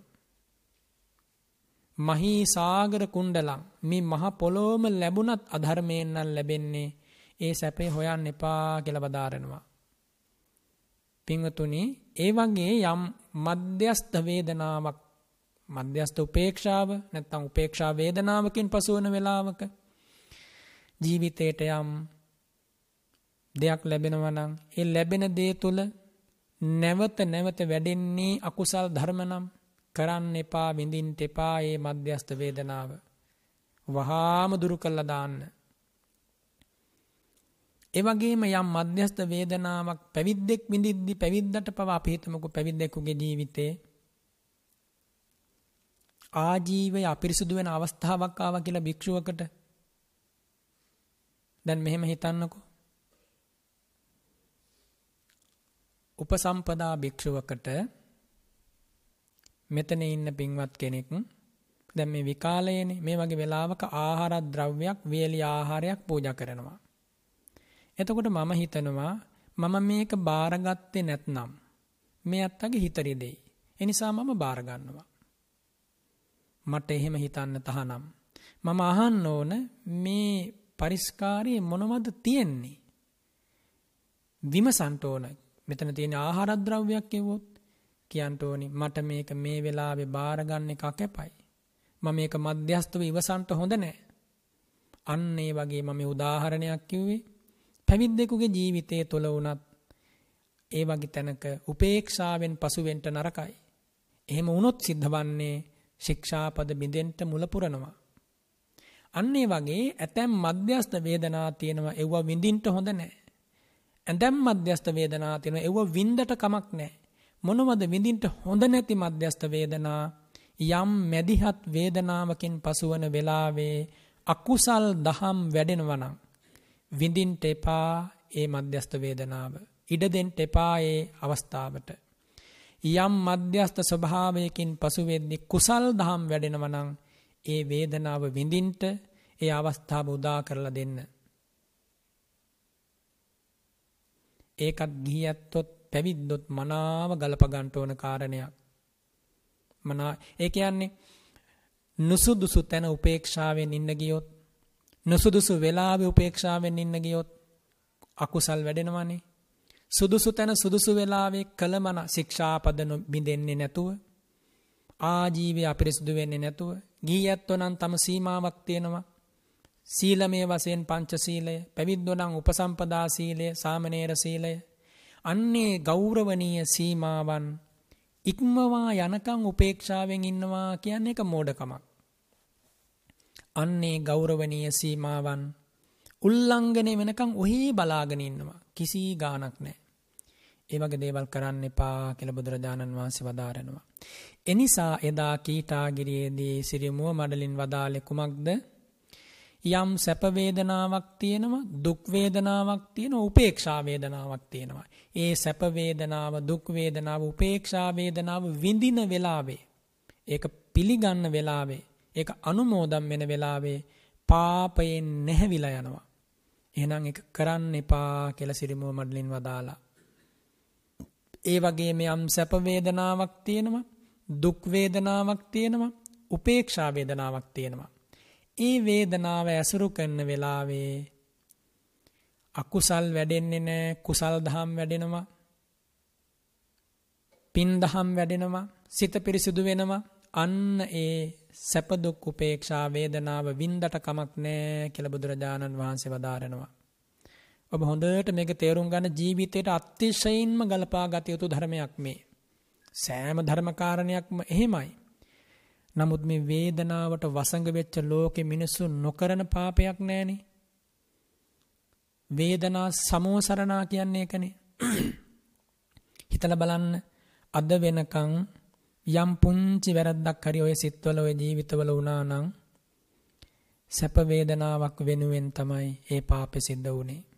හඬන්න බලාගෙන කවුරුවත් වැරදි කරන්නේ නෑනි. සැපයක් බලාගෙනනි හැමෝම.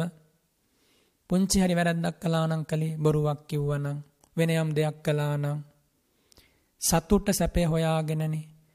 වැඩියනේ මේ දැන් මේ දුර රට ආවේ සැපේ සතුට හොයාගෙනනි. මෙතන ඉන්න බොහෝ දෙනෙක්. මේ දුර රටක නවාතැන් ගන්න හිතුවෙත් යම් සැපයක් සතුටක් බලාපොරොත්තු වෙන්නේ. කොහොම වුණත් දුර රටක හිටියත් මේ විදිහට මේ ධර්මය ඇහෙන නිසා තනි වුණේ නෑ අනාථ වුණේ නෑ අසරණ වුණේ නෑ. ඒක මහ වාසනාවක්නේ ජීවිතයට පෑදුන. රැක ගන්න වටිනවා ඒ වාසනාව හැම කෙනෙක්ම. ඉතින් බුදුරජාණන් වහන්සේ වදාරනවා භික්ෂුන් වහන්සේලාට මේ විදිහට දේශනා කරලා බුදුරජාණන් වහන්සේගේ බ්‍රහ්මස්වර මිහිර හදවතට ඇහෙනකොට එය පුදුමාකාර විදියට ලෙන්ගතු හඬක් කිසිදාක නෑසුන හඬක් හිත නිමී යන හඬක් එක හරි පුදුමයි.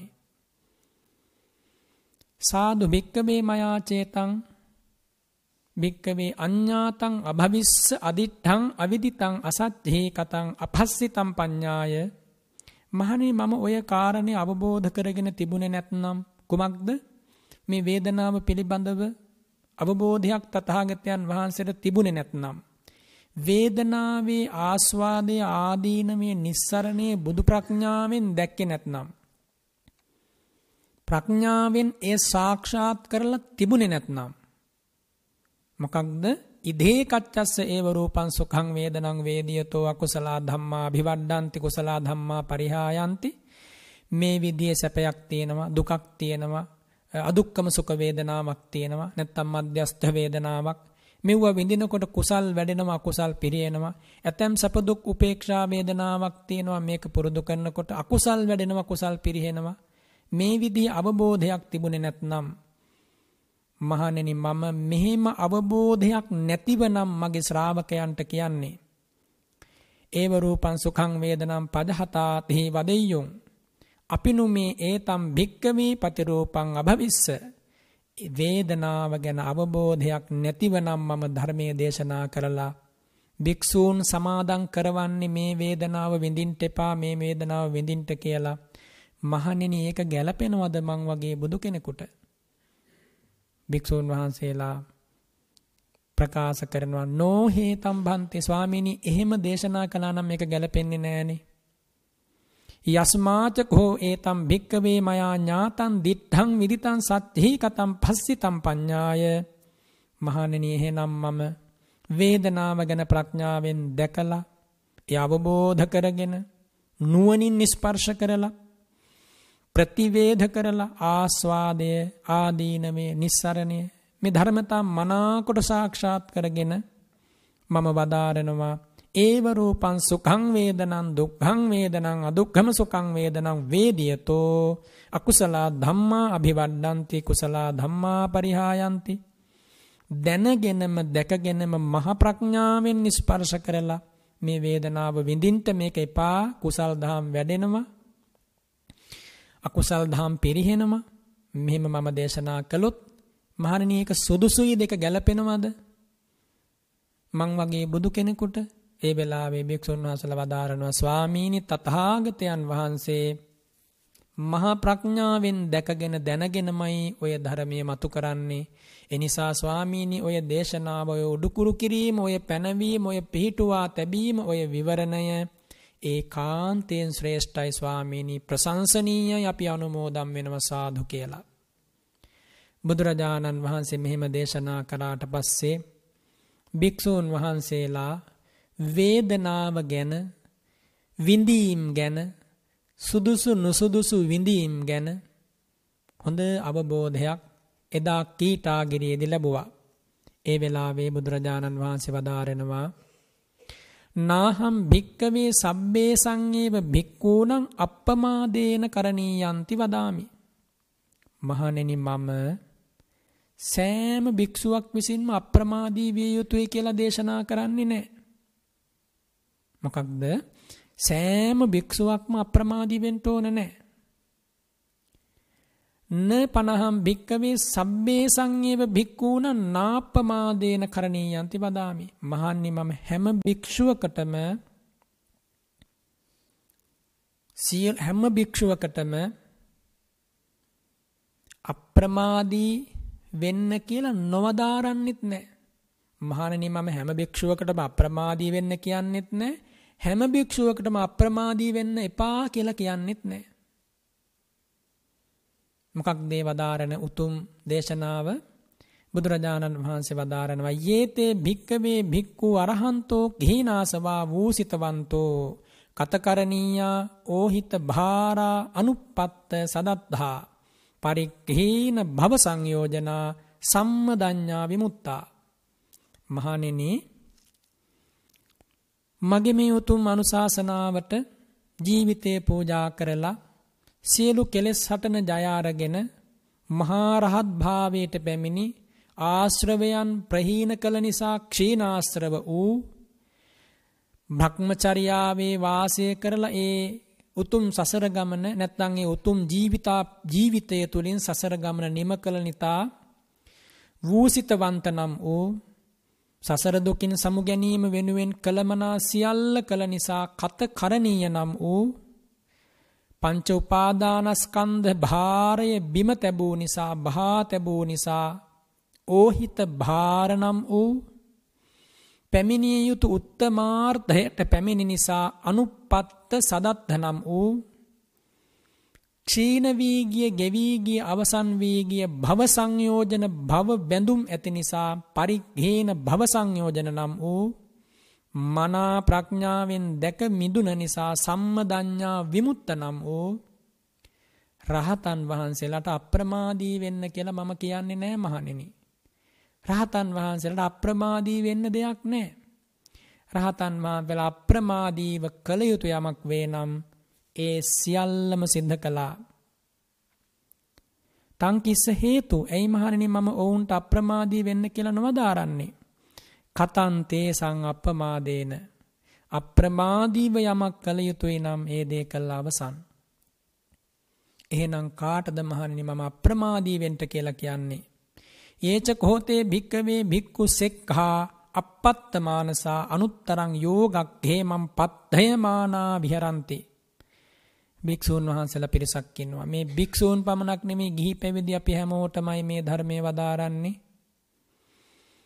මගඵල ප්‍රතිවේදයට නොපැමිණි උතුම් අරහත් ඵලයෙන් නොසැනසුන යමෙක් මේ ලෝකේ ඉන්නවනම් අන්නේ හැමෝටම බුදුරජාණන් වහන්සේ වදාරනවා.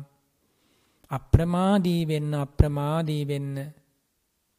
කුසල් දහම් අකුසල් දහම් මනාව හඳුනගන්න අවබෝධ කරගන්න. වැඩිය යුත්ත වඩන්න නොවැඩිය යුත්ත නොවඩන්න. පුරුදු කළ යුත්ත පුරුදු කරන්න හල යුත්ත හලන්න. අප්‍රමාදී වෙන්න කියලා සිරිමුව මඩලින් වදාරනවා. අප්‍රමාදේන භික්කවේ සම්පාදේත කියන බුදු වදනින්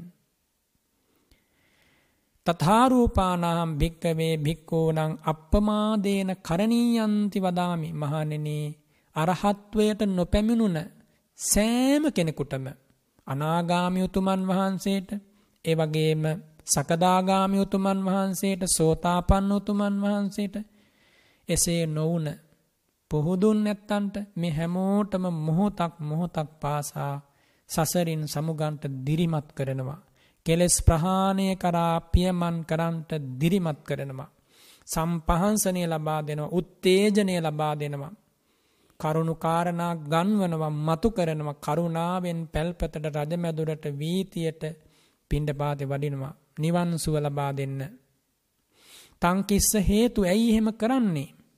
අපේව නාමි මේ ආයස්මන්තෝ අනුලෝමිකානි සේනාසනානි පටිසේවමානා අනේ මේ ස්වාමින් වහන්සේලා නැත්තම් සංඝ පිරිස මා වෙනුවෙන් පැවිදි වූ මේ භික්ෂූන් එයත්න්ට ගැළපෙන සේනාසනයන් ලැබුණට පස්සේ කල්යාණ මිත්තේ භජමානා කල්යාණ මිත්‍ර සංඝ පිරිස ඇසුරු කරමින් ඉන්ද්‍රියානි සමන්නානයමානා සද්ධේන්ද්‍රිය විරියේන්ද්‍රිය සතේන්ද්‍රිය සමාධි ඉන්ද්‍රිය පඤ්ඤේන්ද්‍රිය කියන මේ ඉන්ද්‍රිය ධර්ම පහ සම කරමින් බලාත්මක කරමින් ගත කරනකොට යස්සත්හාය කුලපුත්තා සම්මදේවගාරස්මානගාරියම් පබ්බජෙය පබ්බජෙයුම් තදනුත්තරම් බ්‍රහ්මචරිය පරියෝසානං දිට්ඨේව ධම්මේ සයං අභිඥා සත්‍යකත්වා පවේදයන්ති.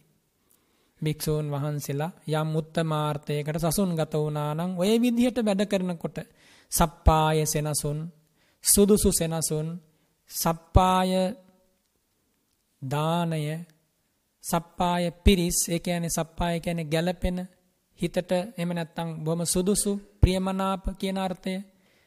ඒතර ගැළපෙන සේනාසනයක්, ගැළපෙන දානි වේලක්, ගැළපෙන පිරිසක් ඇසුරු කරන්න ලැබුණාම කල්යාණ මිත්‍රයෝ කුසල් දහම් වැඩෙනවා අකුසල් දහම් පිරිහෙනවා. අන්නේ ඇත්තන්ට මහන්නි මම වදාරනවා අප්‍රමාදී වෙන්න අප්‍රමාදී වෙන්න කියලා. ඉන් අනතුරු එදා කීටා ගිරියේදී තථාගතයන් වහන්සේ වදාරනවා සත්තිමේ භික්කවේ පුද්ගලා සන්තෝ සංවිජ්ජමානා ලෝකස්මින් මහණෙනි මගේ බුදුවැසට මහා ප්‍රඥාවට මේ ලෝකේ ජීවත් වන පුද්ගලයෝ මිනිස්සු වෙන්න පුළුවන් දෙවියෝ බ්‍රහ්මයෝ වෙන්න පුළුවන් මේ සක්වල පිටසක්වල වෙන්න පුළුවන්.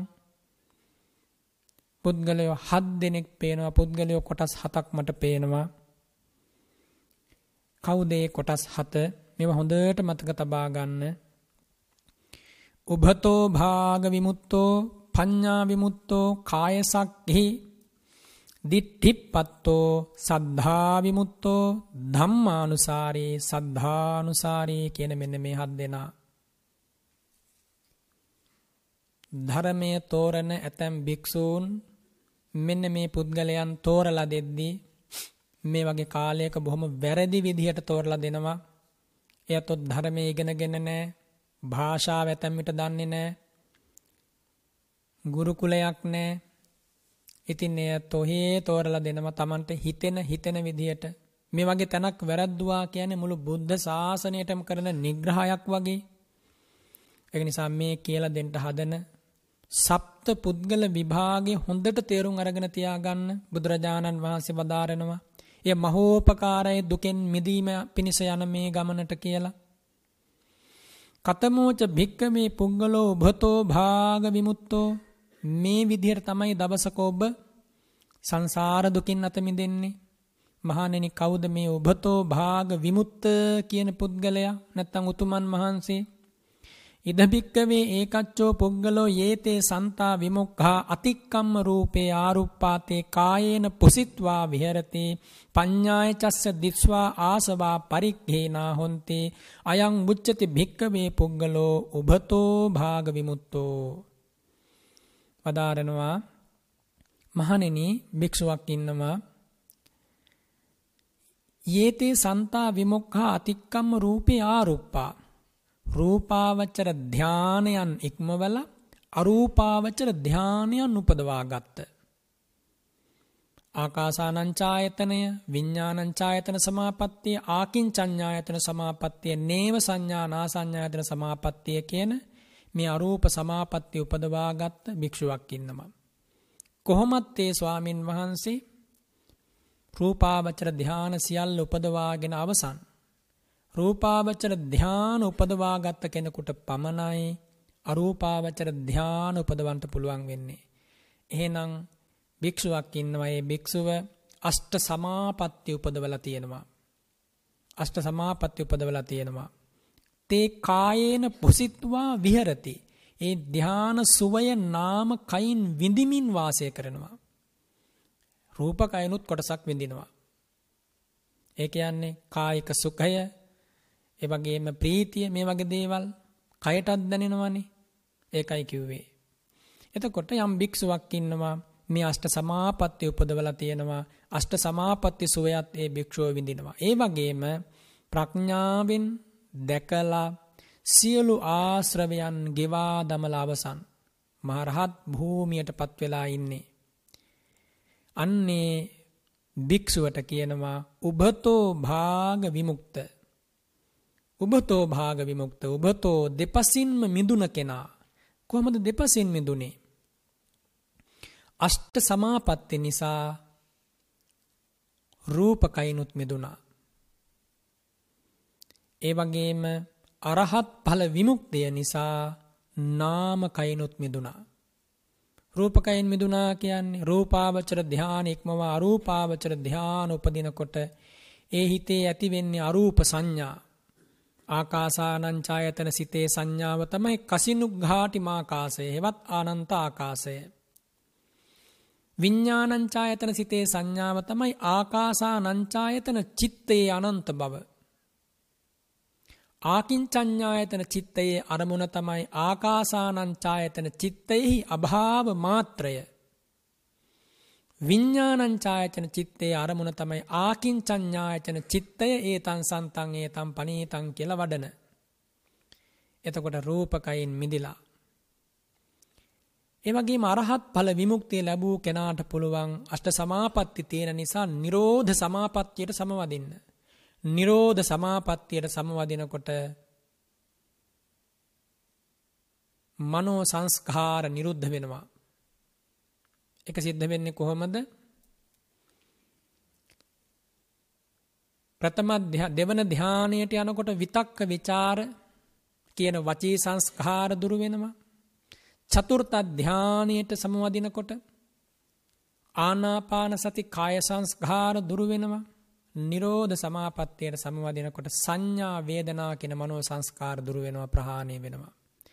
එතකොට බුදුරජාණන් වහන්සේ වදාරනවා මේ උබතෝ භාග විමුක්ත කියන රහතන් වහන්සේ අෂ්ට සමාපatti නිසා රූපකයින්ද ඒ වගේම අරහත් ඵල ප්‍රඥාව නැත්තම් අරහත් මාර්ගඥානීය පාදක කරගෙන ලැබෙන ඒ නිරෝධ සමාපatti සෝය නිසා නාමකයින්ද අත මිදෙනවා අරහත් ඵල සමාධියේදී අරහත් ඵල සමාපත්තියේදී නාමකයින් අතුමි දෙනවා.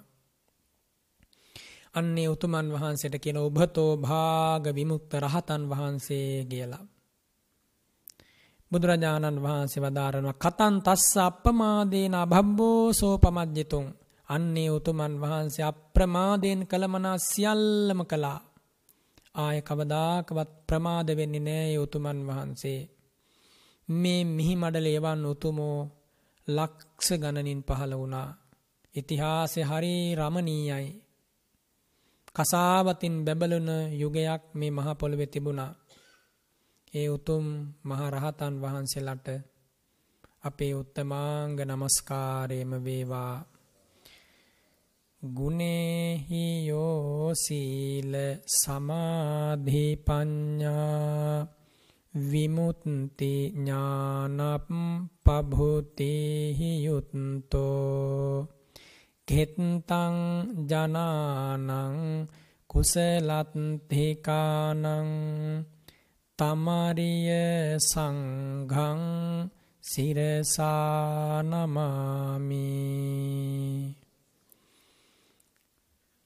පින්වතුනි ඊළඟට බුදුරජාණන් වහන්සේ වදාරනවා කතමෝච භික්කවේ පුද්ගලෝ පඤ්ඤා විමුක්තෝ මහණනි ප්‍රඥා විමුක්ත නම් උතුමන් වහන්සේ කවුද? දැන් අපි ඉගෙන ගත්ත උභතෝ භාග විමුක්ත උතුමන් වහන්සේ ඒ උබතෝ භාග උබතෝ භාග නම් වූ රහතන් වහන්සේ ආකාසානංචායතන සමාපත්තිය උපදවලා ඉන් අනතුරුව එයින් නැගී ඉඳලා නාම රූප විදර්ශනා කරලා අරහත්ත්වයට පත් වූ රහතන් වහන්සේ ඒ වගේම විඥානංචායතන සමාපත්තියෙන් නැගී ඉඳලා නාම රූප විදර්ශනා කරලා රහත් වූ තුමන් වහන්සේ වගේම ආකින්චඤ්ඤායතන සමාපත්තියෙන් නැගී ඉඳලා නාම රූප ධර්ම විදර්ශනාවට නතු කරලා කෙලස් ප්‍රහාණය කරපු රහතන් වහන්සේ ඒ වගේම නේව සංඥා නා සංඥායතන සමාපත්තියෙන් නැගී ඉඳලා නාම රූප පරම්පරාව විදර්ශනාවට නතු කරලා එතුලින් අනිත්‍ය සංඥාව දුක්ඛ සංඥාව අනාත්ම සංඥාව බහුලීකృత කරලා අනිමිත් අපනීත ශුන්්‍යත කියන චේතෝ විමුක්තියෙන් රහත් වූ තුමන් වහන්සේ ඒ වගේම නිරෝධ සමාපත්තියට සමවදින රහතන් වහන්සේගේ වශයෙන් ආකාර පහකින් දේශනා කොට වදාරෙනවා. ඔබ මතක තබා ගන්න. පඤ්ඤා විමුක්ත උතුමන් වහන්සේ ගැන බුදුරජාණන් වහන්සේ වදාරනවා. යේතේ සන්තා විමුක්ඛා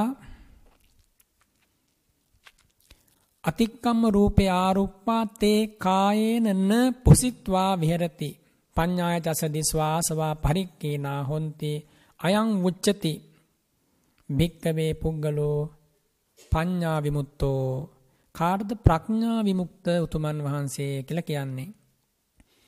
මේ උතුම් බුදු සසුන තුල ඉන්නව ස්වාමින් වහන්සේ නමක් ඒ ස්වාමින් වහන්සේ අරූපාවචර සමාපatti උපදවලා නැහැ. අරූපාවචර ධාන හතර උපදවලා නැහැ. හැබැයි රූපාවචර ධාන හතර උපදවලා තියෙනවා. රූපාවචර ප්‍රථම ධානය උපදවල ඉන් නැගී ඉඳලා නාම රූප විදර්ශනා කරලා රහත් වෙනවා. දෙවන තුන්වන හතරවන ඒ ධානත් ඒ විදියට උපදවලා ඉන් නැගී ඉඳලා නාම රූප විදර්ශනා කරලා සප්ත විසුද්ධීන්ගේ පිළිවෙලින් අරහත්වයටපත් වෙනවා. ඒ වගේම සුස්ත විදර්ශක රහතන් වහන්සේ නමක් වැඩ ඉන්නවා. ඒ කියන්නේ මුලින්ම పూర్ව භාග ප්‍රතිපදාව පටන් ගන්නේම විදර්ශනාවෙන්. මොකක්ද పూర్ව භාග ප්‍රතිපදාව කියන්නේ? නිවන් පිණිස කටයුතු කරන ශ්‍රාවකයා හිත හැසිරවිය යුතු ආකාරය. ඒ කියන්නේ හැම වෙලාවකම බුදුරජාණන් වහන්සේගේ ශ්‍රාවකයා නූපන් කෙලස් නූපදින විදිහට උපන් කෙලස් ප්‍රහාණය වන විදිහට හිත හසුරුවා ගන්න ඕන. ඒ සඳහා අරමුණු පෙන්වනවා බුදුරජාණන් වහන්සේ සමත වශයෙන් විදර්ශනා වශයෙන් විදර්ශනා වශයෙන් පෙන්වන ඒ ස්කන්ධ ආයතන ධාතු ඉන්ද්‍රිය වගේ ධර්ම මේවා විදර්ශනාවට නතු කරමින් රූපස්කන්ධ විදර්ශනාව වේදනා සංඥා සංඛාර විඥානස්කන්ධ විදර්ශනාව මනාව සිද්ධ කරමින් විදර්ශනාවම මුල් කරගෙන විදර්ශනා නුවණම පාදක කරගෙන විදර්ශනාව වෙනුවෙන්ම සැදී පැහැදී සෑම නිමේෂයකම සිහි ඇතිව ගත කරමින් අනිත්‍ය ලක්ෂණය දුක්ඛ ලක්ෂණය අනාත්ම ලක්ෂණය පිරිසිඳ දකින්ට වෙහෙසෙන ශ්‍රාවකයාට කියනවා සුස්ක විදර්ශක ගමනක් වඩින උතුමා කියලා.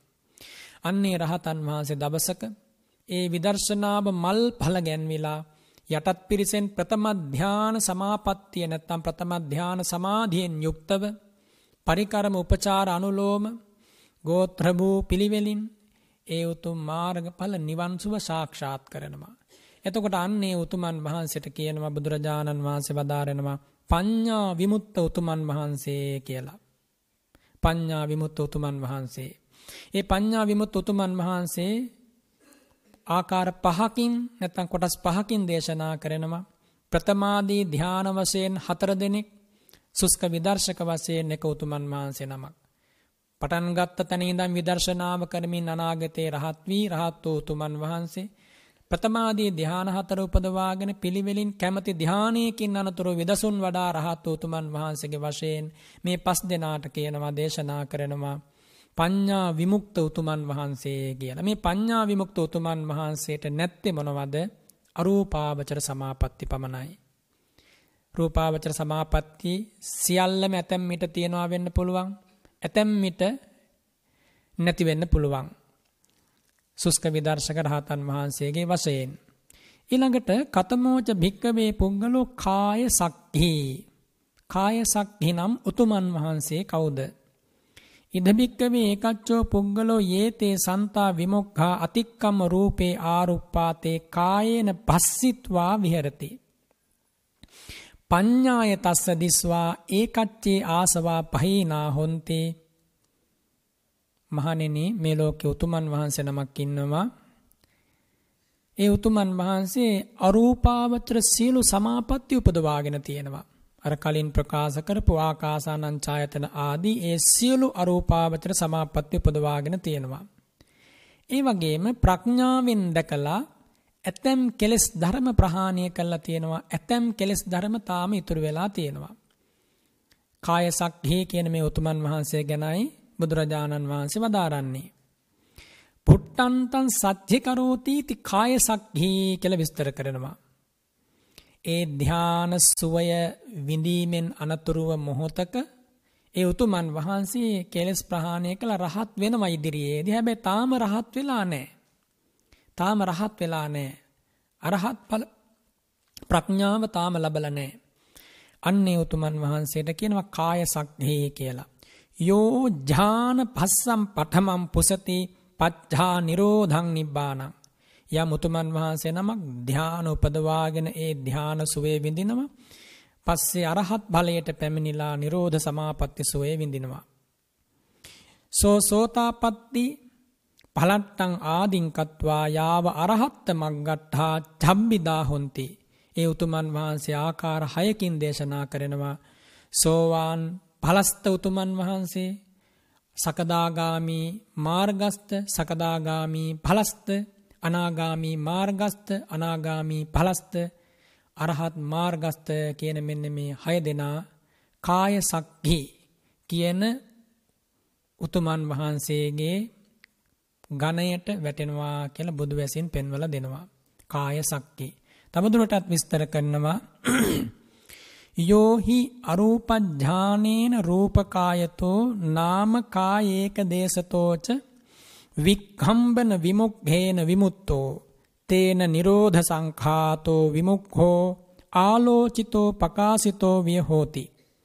නපන කායේන සච්චිකතෝ නිරෝධං පන ආරම්මණං කତ୍වා ඒකච්චේසු ආසවේසු ඝේපිතේසු තේනසෝ සච්චිකතෝ හෝති තස්මාසෝ සත්්‍යිකාතම්බං නිරෝධං යතා ආලෝචිතං නාමකායේන සත්්හී කරෝතීති කාය සක්හි.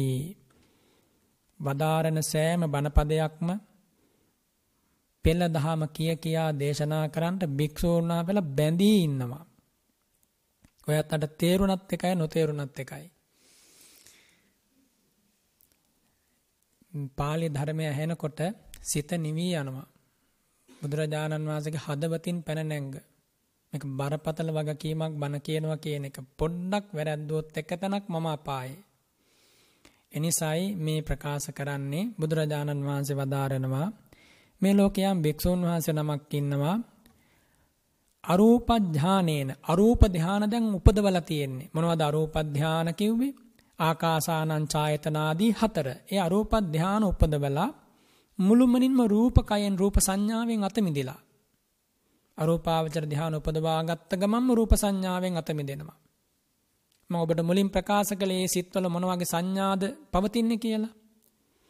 ඒ විදිහට රූපකයෙන් අත මිදිලා නාම කාය ඒක දේශතෝච වික්ඛම්බන විමුක්ඛේන විමුක්තෝ නාම කයේ කොටසකින් මිදිලා.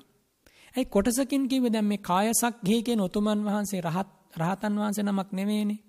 සෝවාන් ඵලයේ පටන් අනාග අරහත් මාර්ගය දක්වා ඉන්න මේ හය දෙනාට කියනවා කායසක්ඛේ කියලා. ඒ කියන්නේ අරූපාවචර සමාපatti උපදවලා තියෙනවා. අරූපාවචර සමාපatti උපදවලා නම් කොහොමත් රූපාවචර සමාපatti උපදවලා. එතකොට මේ උතුමන් වහන්සේ ඇතැම් මිට අෂ්ට සමාපatti තියෙන සෝවාන් කෙනෙක් වෙන්න පුළුවන්. අට සමාපatti තියෙන සකදාගාමි කෙනෙක් වෙන්න පුළුවන්. අට සමාපatti තියෙන අනාගාමි කෙනෙක් වෙන්න පුළුවන්. එතකොට ඒ උතුමන් වහන්සේ කොහොමද කාය සක්ඛේ කියන මේ පදයට ඇතුල් වෙන්නේ? නිරෝධ සංඛාතෝ විමුක්කෝ නිරෝධය නම් වූ විමෝක්ෂය. උත්තම සැනසීම. අකම්පිත විමුක්තිය ආලෝචිතෝ පකාසිතෝ විය හෝති නිකන් ඇස් දෙක ඇරලා බැලුවා වගේ ඈතින් පේනවා.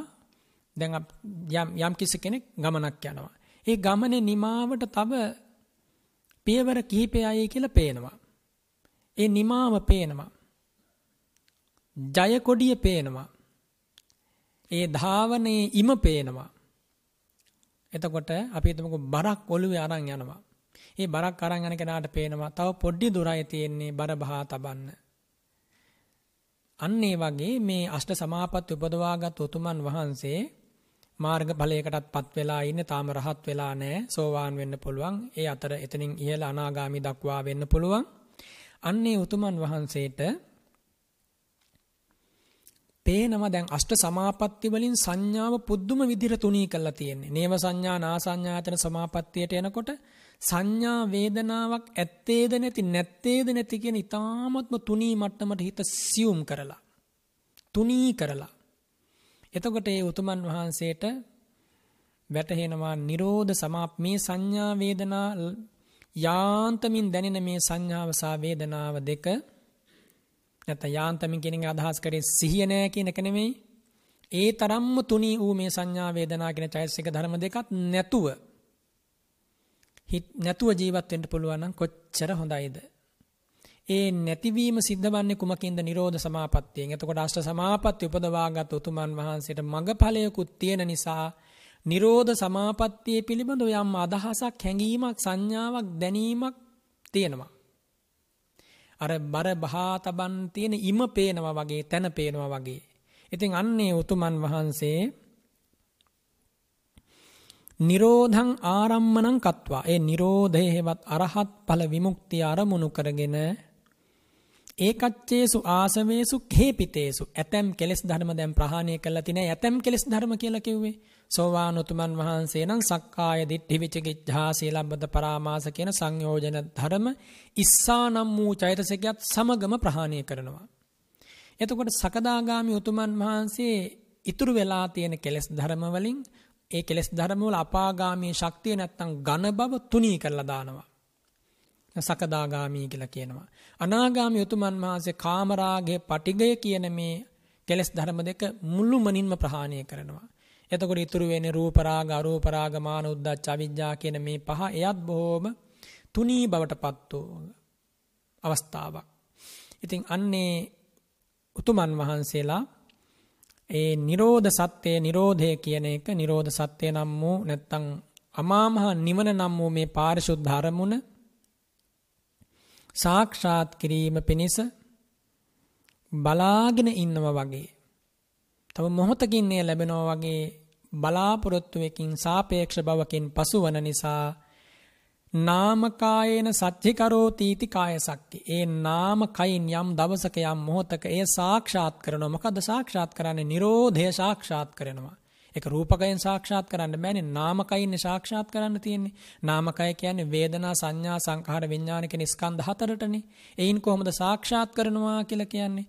ඒ විදිහට රූපාවචර ධානයක් මෝ අරූපාවචර ධාන උපදවාගෙන අරහත් ඵලයට හෝ අනාගාමී උත්තම පදවියට පත්වෙච්ච කෙනෙකුට පුළුවන් සංඥා වේදනා මුළුමනින්ම නිරෝධ නිරුද්ධ කළා දාලා නිරෝධ සමාපත්තියට සමවදින්න. අන්නේ අවස්ථාවට නොබෝ කලකින් පැමිණෙනවා කියන අර්ථයෙන් කාය සක්හි කියලා බුදුරජාණන් වහන්සේ වදාරනවා. නතු විමුත්තෝති තාම මිදිලා නැහැ. තාම නිරෝධ සමාපත්තියට ඇවිල්ලා නැහැ. හැබැයි එන්න සුදුසුකම් සම්පූර්ණ කරගෙන යනවා. ඒකච්චානං ආසවානං අපි අපරිග්ඝේනත්තා. තාම සුදුසු වෙලා නැත්තේ තව කෙලස් ටිකක් ඉතුරු වෙලා තියෙන හින්දා. සෝවාන් කෙනෙකුගේ ගත්තොත් ඒ මට්ටමින් අනාගාමී උතුමෙකුගේ ගත්තොත් ඒ මට්ටමින්. එනිසා මේ කාය සක්හී කියන උතුමන් වහන්සේ බුදුරජාණන් වහන්සේ මහා ප්‍රඥාවෙන් දකින බලන්න දැන් මේ මනසක ඇතිවන අනුත්තර පරිවර්තනය බුදුරජාණන් වහන්සේ දකින හැටි ලෝකෙ කාටද මේක දකින්න පුළුවන්. ඉන්ද්‍රිය පරෝ පරියත්ත ඥානය නම් වූ අසාධාරණ ඥානය හිමි භාග්‍යවතුන් වහන්සේට පමණයි වෙන කාටවත් එයා දකින්න බෑ. කිසි කෙනෙකුට දකින්න බෑ. මෙහෙම පුද්ගලයන් ගැන මෙහෙම ලෝකය ගැන තෝරගන්න බැරි මිනිස්සු ලෝකය ගැන සංගණන කරනවා. කේක දේවල් හොයනවා අරවල් අසවල් දේ අසවල් දේ කියලා. ඒවා ඕපාදූප සෙවිල්ලක් පමණයි. අවසානයේ කෙලස් ගොඩක් එකතු කර ගැනීමක් මොන සංගණනය කරත් මොන පරිේෂණය කරත් මොන ගවේෂණය කරත් මොන සොයා යාම කරත් මොන හඳුනා ගැනීම කරත් වැඩක් තියෙනවද අවසානයේ වැටෙන්නේ හතර පායට නම් හිතලා බලන්න මොන පොත් ලිව්වත් වැඩක් තියෙනවද? මොන වගේ දේවල් ලෝකෙට මවාපෑවත් වැඩක් තියෙනවද? මොන රජකම් කරත් වැඩක් තියෙනවද? මොන ජය කෙහෙලි නැන්වත් වැඩක් තියෙනවද? පලක් නැහැ පලක් නැහැ නිසා හිතලා බලන්න මේ උතුම් අවබෝධය නැති ලෝකය හරියට ඝනාන්ධකාරයක් ඒකයි වදාලේ. මහණෙනි ඔය ලෝකාන්තරික නිරේ අන්ධකාරය එච්චර ලොකු එකක් නෙමෙයි. ඊට වඩා අන්ධකාරයක් තියෙනවා සිව්සස් දහම් පසක් නොවීම නම් වූ අන්ධකාරය කියලා. ඔබ සියලු දෙනාට ඒ අන්ධකාරයෙන් අත මිදෙන්න මේ බණපදයේ හේතු වාසනා වේවා. එහෙම හිතන්න ඕන. ඊළඟ පුද්ගලයා තමයි කතමෝච භික්කවේ පුද්ගලෝ දිට්ඨිප්පත්තෝ කියලා කියන්නේ. දිට්ඨිප්පත්ත. දිට්ඨිප්පත්ත. ඉද භික්කවේ ඒකච්චෝ පුද්ගලෝ යේතේ සන්තා විමුක්ඛා අතික්කම රූපේ ආරුප්පාතේ න කායේන පුසිට්වා විහෙරති. පඤ්ඤාය චස දිස්වා ඒකච්චේ ආසවා පරික්කේනා හොಂತಿ. බුදුරජාණන් වහන්සේ වදාරනවා දිට්ඨිප්පත්ත නම් උතුමන් වහන්සේ කියන්නේ කවුද මේ බුද්ධ ශාසනයේ ඉන්නව ඇතම් කෙනෙක් අරූපාවචර සමාපatti උපදවලා නැහැ. හැබැයි රූපාවචර සමාපatti උපදවලා තියනවා වෙන්න පුළුවන්. ඒ උතුමන් වහන්සේගේ ඇතැම් කෙලෙස් ධර්ම ප්‍රහාණය වෙලා තියෙනවා ඇතැම් කෙලෙස් තාම ප්‍රහාණය වෙලා නැහැ. තථාගත පවේදිතා චස්ස ධම්මා පඤ්ඤාය වෝදිට්ඨා හොಂತಿ වෝ චරිතා ඒ වගේම තථාගතයන් වහන්සේ වදාළ ධර්මය ප්‍රඥාවෙන් මනාව දකිමින් අවබෝධ කරගනිමින් එයා වාසය කරනවා. අයං උච්චති භික්කවේ පුද්ගලෝ දිට්ඨිප්පත්තෝ මෙන්න මේ කෙනාට දිට්ඨිප්පත්ත උතුමන් වහන්සේ කියලා ප්‍රකාශ කරනවා. කොහොමද එහෙම වෙන්නේ? දුක්ඛා සංඛාරා සුඛෝ නිරෝධෝති ඥාතං හෝති. ඒ උතුමන් වහන්සේට අවබෝධයක් තියෙනවා. මොකක්ද අවබෝධය? සංස්කාර ධර්මයෝ දුක්ඛයෝය නිරෝධෝ දුක්ඛ නිරෝධය ඒකාන්තයෙන් සාන්තය අන්නේ කාරණේ දිට්ඨං හොඳට දැකලා තියෙනවා. විදිතං ප්‍රඥාවෙන් විඳලා තියෙනවා. නැත්තම් වේදනය කළා තියෙනවා. සත්‍යකතං සාක්ෂාත් කරලා තියෙනවා. පුසිතම් පඤ්ඤාය ප්‍රඥාවෙන් ස්පර්ශ කරලා තියෙනවා. දිට්ඨිප්පත්තෝ එනිසා දිට්ඨිප්පත්ත කියලා මහණෙනි මම හඳුන්වනවා. එතකොට ඒ උතුමන් වහන්සේ දස්සන සංඛාතස්ස සෝතාපට්ටි මග්ග ඥානස්ස අනන්තරම් පත්තෝති බුත්තං හෝති. ඒ උතුමන් වහන්සේ දස්සනේන පහතබ්බා ධම්මා කියලා ඔය සබ්බාසව සූත්‍රය දේශනා කරන්නේ. සෝවාන් මාර්ගක් දර්ශනයෙන් ප්‍රහාණය කළ යුතු කෙලෙස් කියලා. අන්නේ සෝවාන් මාර්ග දර්ශනයෙන් ප්‍රහාණය කළ යුතු කෙලෙස් ප්‍රහාණය කරලා පැමිණි නිසා ආර්ය ඥාන දර්ශනයට ලෝකෝත්තර සම්මා දිට්ඨියට පැමිණි නිසා දිට්ඨිප්පත්ත කියලා කියනවා. කායසක්ඛේ කියන උතුමන් වහන්සේට අරූපාවචර සමාපatti තියෙනවා. කොහොමත් රූපාවචර සමාපatti තියෙනවනේ. හැබැයි මේ දිට්ඨිප්පත්ත කියන උතුමන් වහන්සේට අරූපාවචර සමාපatti නැහැ. රූපාවචර සමාපatti තියනවා වෙන්න පුළුවන් නෑ වෙන්න පුළුවන්. එතකොට ඒ දිට්ඨිපත්ත කියන උතුමන් වහන්සේ ආකාර 6කින් වදාරනවා. සෝවාන් ඵලස්ත සකදාගාමි මාර්ගස්ත ඵලස්ත අනාගාමි මාර්ගස්ත ඵලස්ත අරහත් මාර්ගස්ත කියලා. හැබැයි මේ උතුමන් වහන්සේලා වහන්සේලාට අරූපාවචර සමාපatti නෑ. රූපාවචර සමාපatti ඇතුව මාර්ගයන්ට හෝ ඒ ඵලයන්ට පැමිණුණා. කොහොමත් යම් කිසි කෙනෙක් මාර්ගයකට හෝ ඵලයකටපත් වෙනවා නම් ඒ කාන්තේම යටත් පිරිසෙන් ප්‍රථම ධාන සමාපත්තියෙන් යුක්තවයි ඒ සිද්ධවන්නේ එසේ නොවී සිද්ධවන්නේ නැහැ බුදුරජාණන් වහන්සේ සිරිමුව මඩලින් පැහැදිලිව දේශනා කරනවා මේ තැන් ටික වරද්දා ගන්න නැතුව හොඳට ධාරණය කරගන්න මේ හඬපටයකින් හෝ නැවත අහලා හොඳට හිතට අරගෙන තියාගන්න. එතකොට මේ ආර්ය මාර්ග විද්‍යාව ආර්ය මාර්ගයේ ගමන් කිරීම ගමන් කළ උන්ගේ තොරතුරු කියන මේ උතුම් දේශනාව හොඳට දැනගෙන ඉන්නට ඕන. නොදැනගත්තොත් පාඩුව ඔබටමයි වරදවා ගත්තත් පාඩුව ඔබටමයි. ඉතින් බුදුරජාණන් වහන්සේ වදාරනවා මේ උතුමන් වහන්සේ සුක්ඛ විපස්සක සුක්ඛ විපස්සක නැත්තම් මුළුමනින්ම විදර්ශනාවෙන් වැඩ පටන් අරගෙන ඉන් අනතුරුව මාර්ග ඵලයන්ටපත් වෙච්ච අරහත් මාර්ගයේ දක්වා වූ මේ කෙනෙක් වෙන්න පුළුවන්.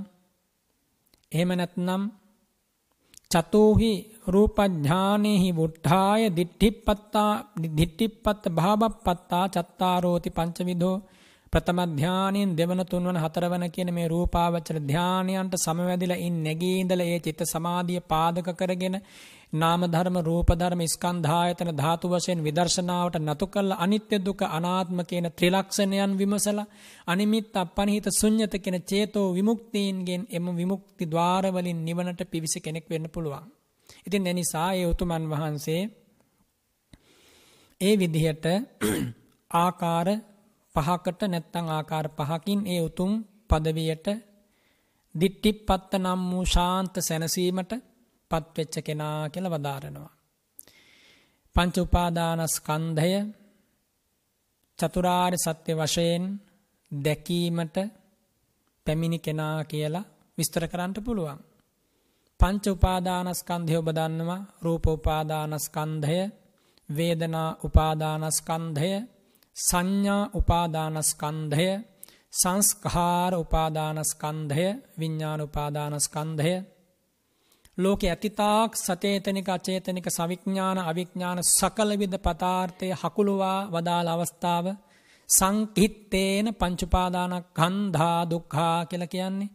මහනි හකුලවා කියනවනම් කෙටියෙන් කියනවනම් සංක්ෂිප්ත කරලා පිඩු කරලා කියනවනම් පංචුපාදානස්කන්දයම දුකයි.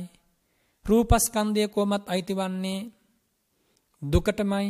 වේදනාස්කන්ධයත් ඒමයි සංඥාස්කන්ධයත් ඒමයි එතුර චතුරාර් සත්‍ය වශයෙන් ගත්තොත් රූපස්කන්දය වේදනාස්කන්දය සංඥාස්කන්දය විඤ්ඥානස්කන්දය සංස්කාරස්කන්දය නියෝජනය කරන පණහක් වූ චෛතසික ධර්මවලින් ලෝභය නම් වූ චෛතසිකේ හැර සෙසු චෛතසික ධර්ම හතලිස් නමයම අයිතිවන්නේ දුක්ඛාරය සත්‍යයට. ගතන් දුකට දුක්ක සමුදේ වන්නේ ලෝභය නම් වූ චෛතසික ධර්මය. දුක්ඛ නිරෝධය වන්නේ ලෝභයේ දුරුවීම ලෝභයේ ඉතිරියක් නැතිව ප්‍රහාණය වීම.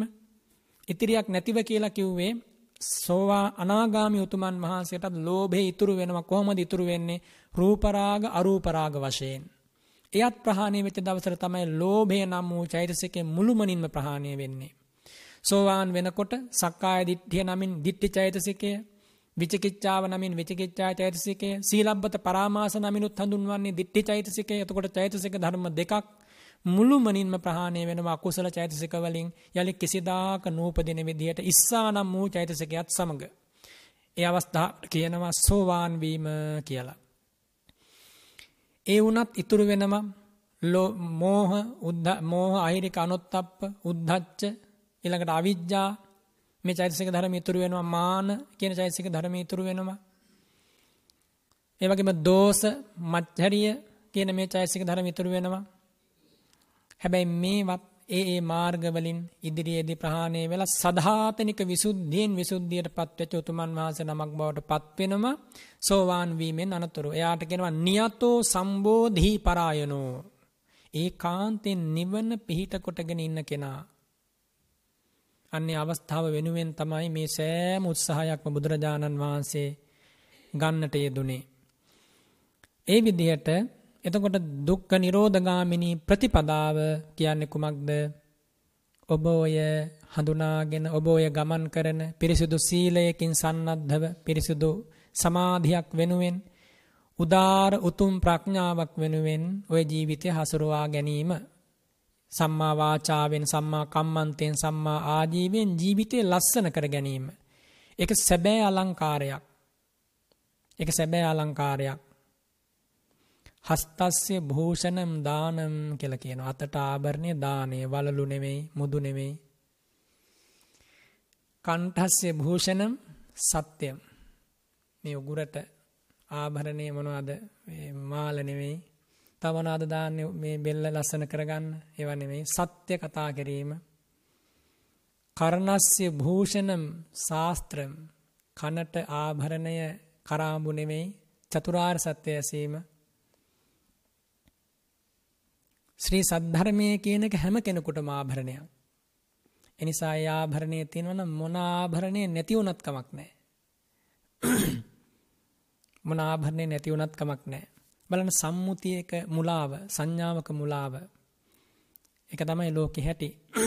මේ වගේ ගතක් සරසන්න ලෝහයකින් ගතක් සරසනවා ලෝහයක් මේ ගතේ පළඳපු පමණින් මේක අලංකාර වෙනවා කියන විරූප රූපී මානසිකත්වයකට ඇවිල්ලා කොච්චර කල්ද සංසාරේ. හෙට දවසෙත් හොයයි.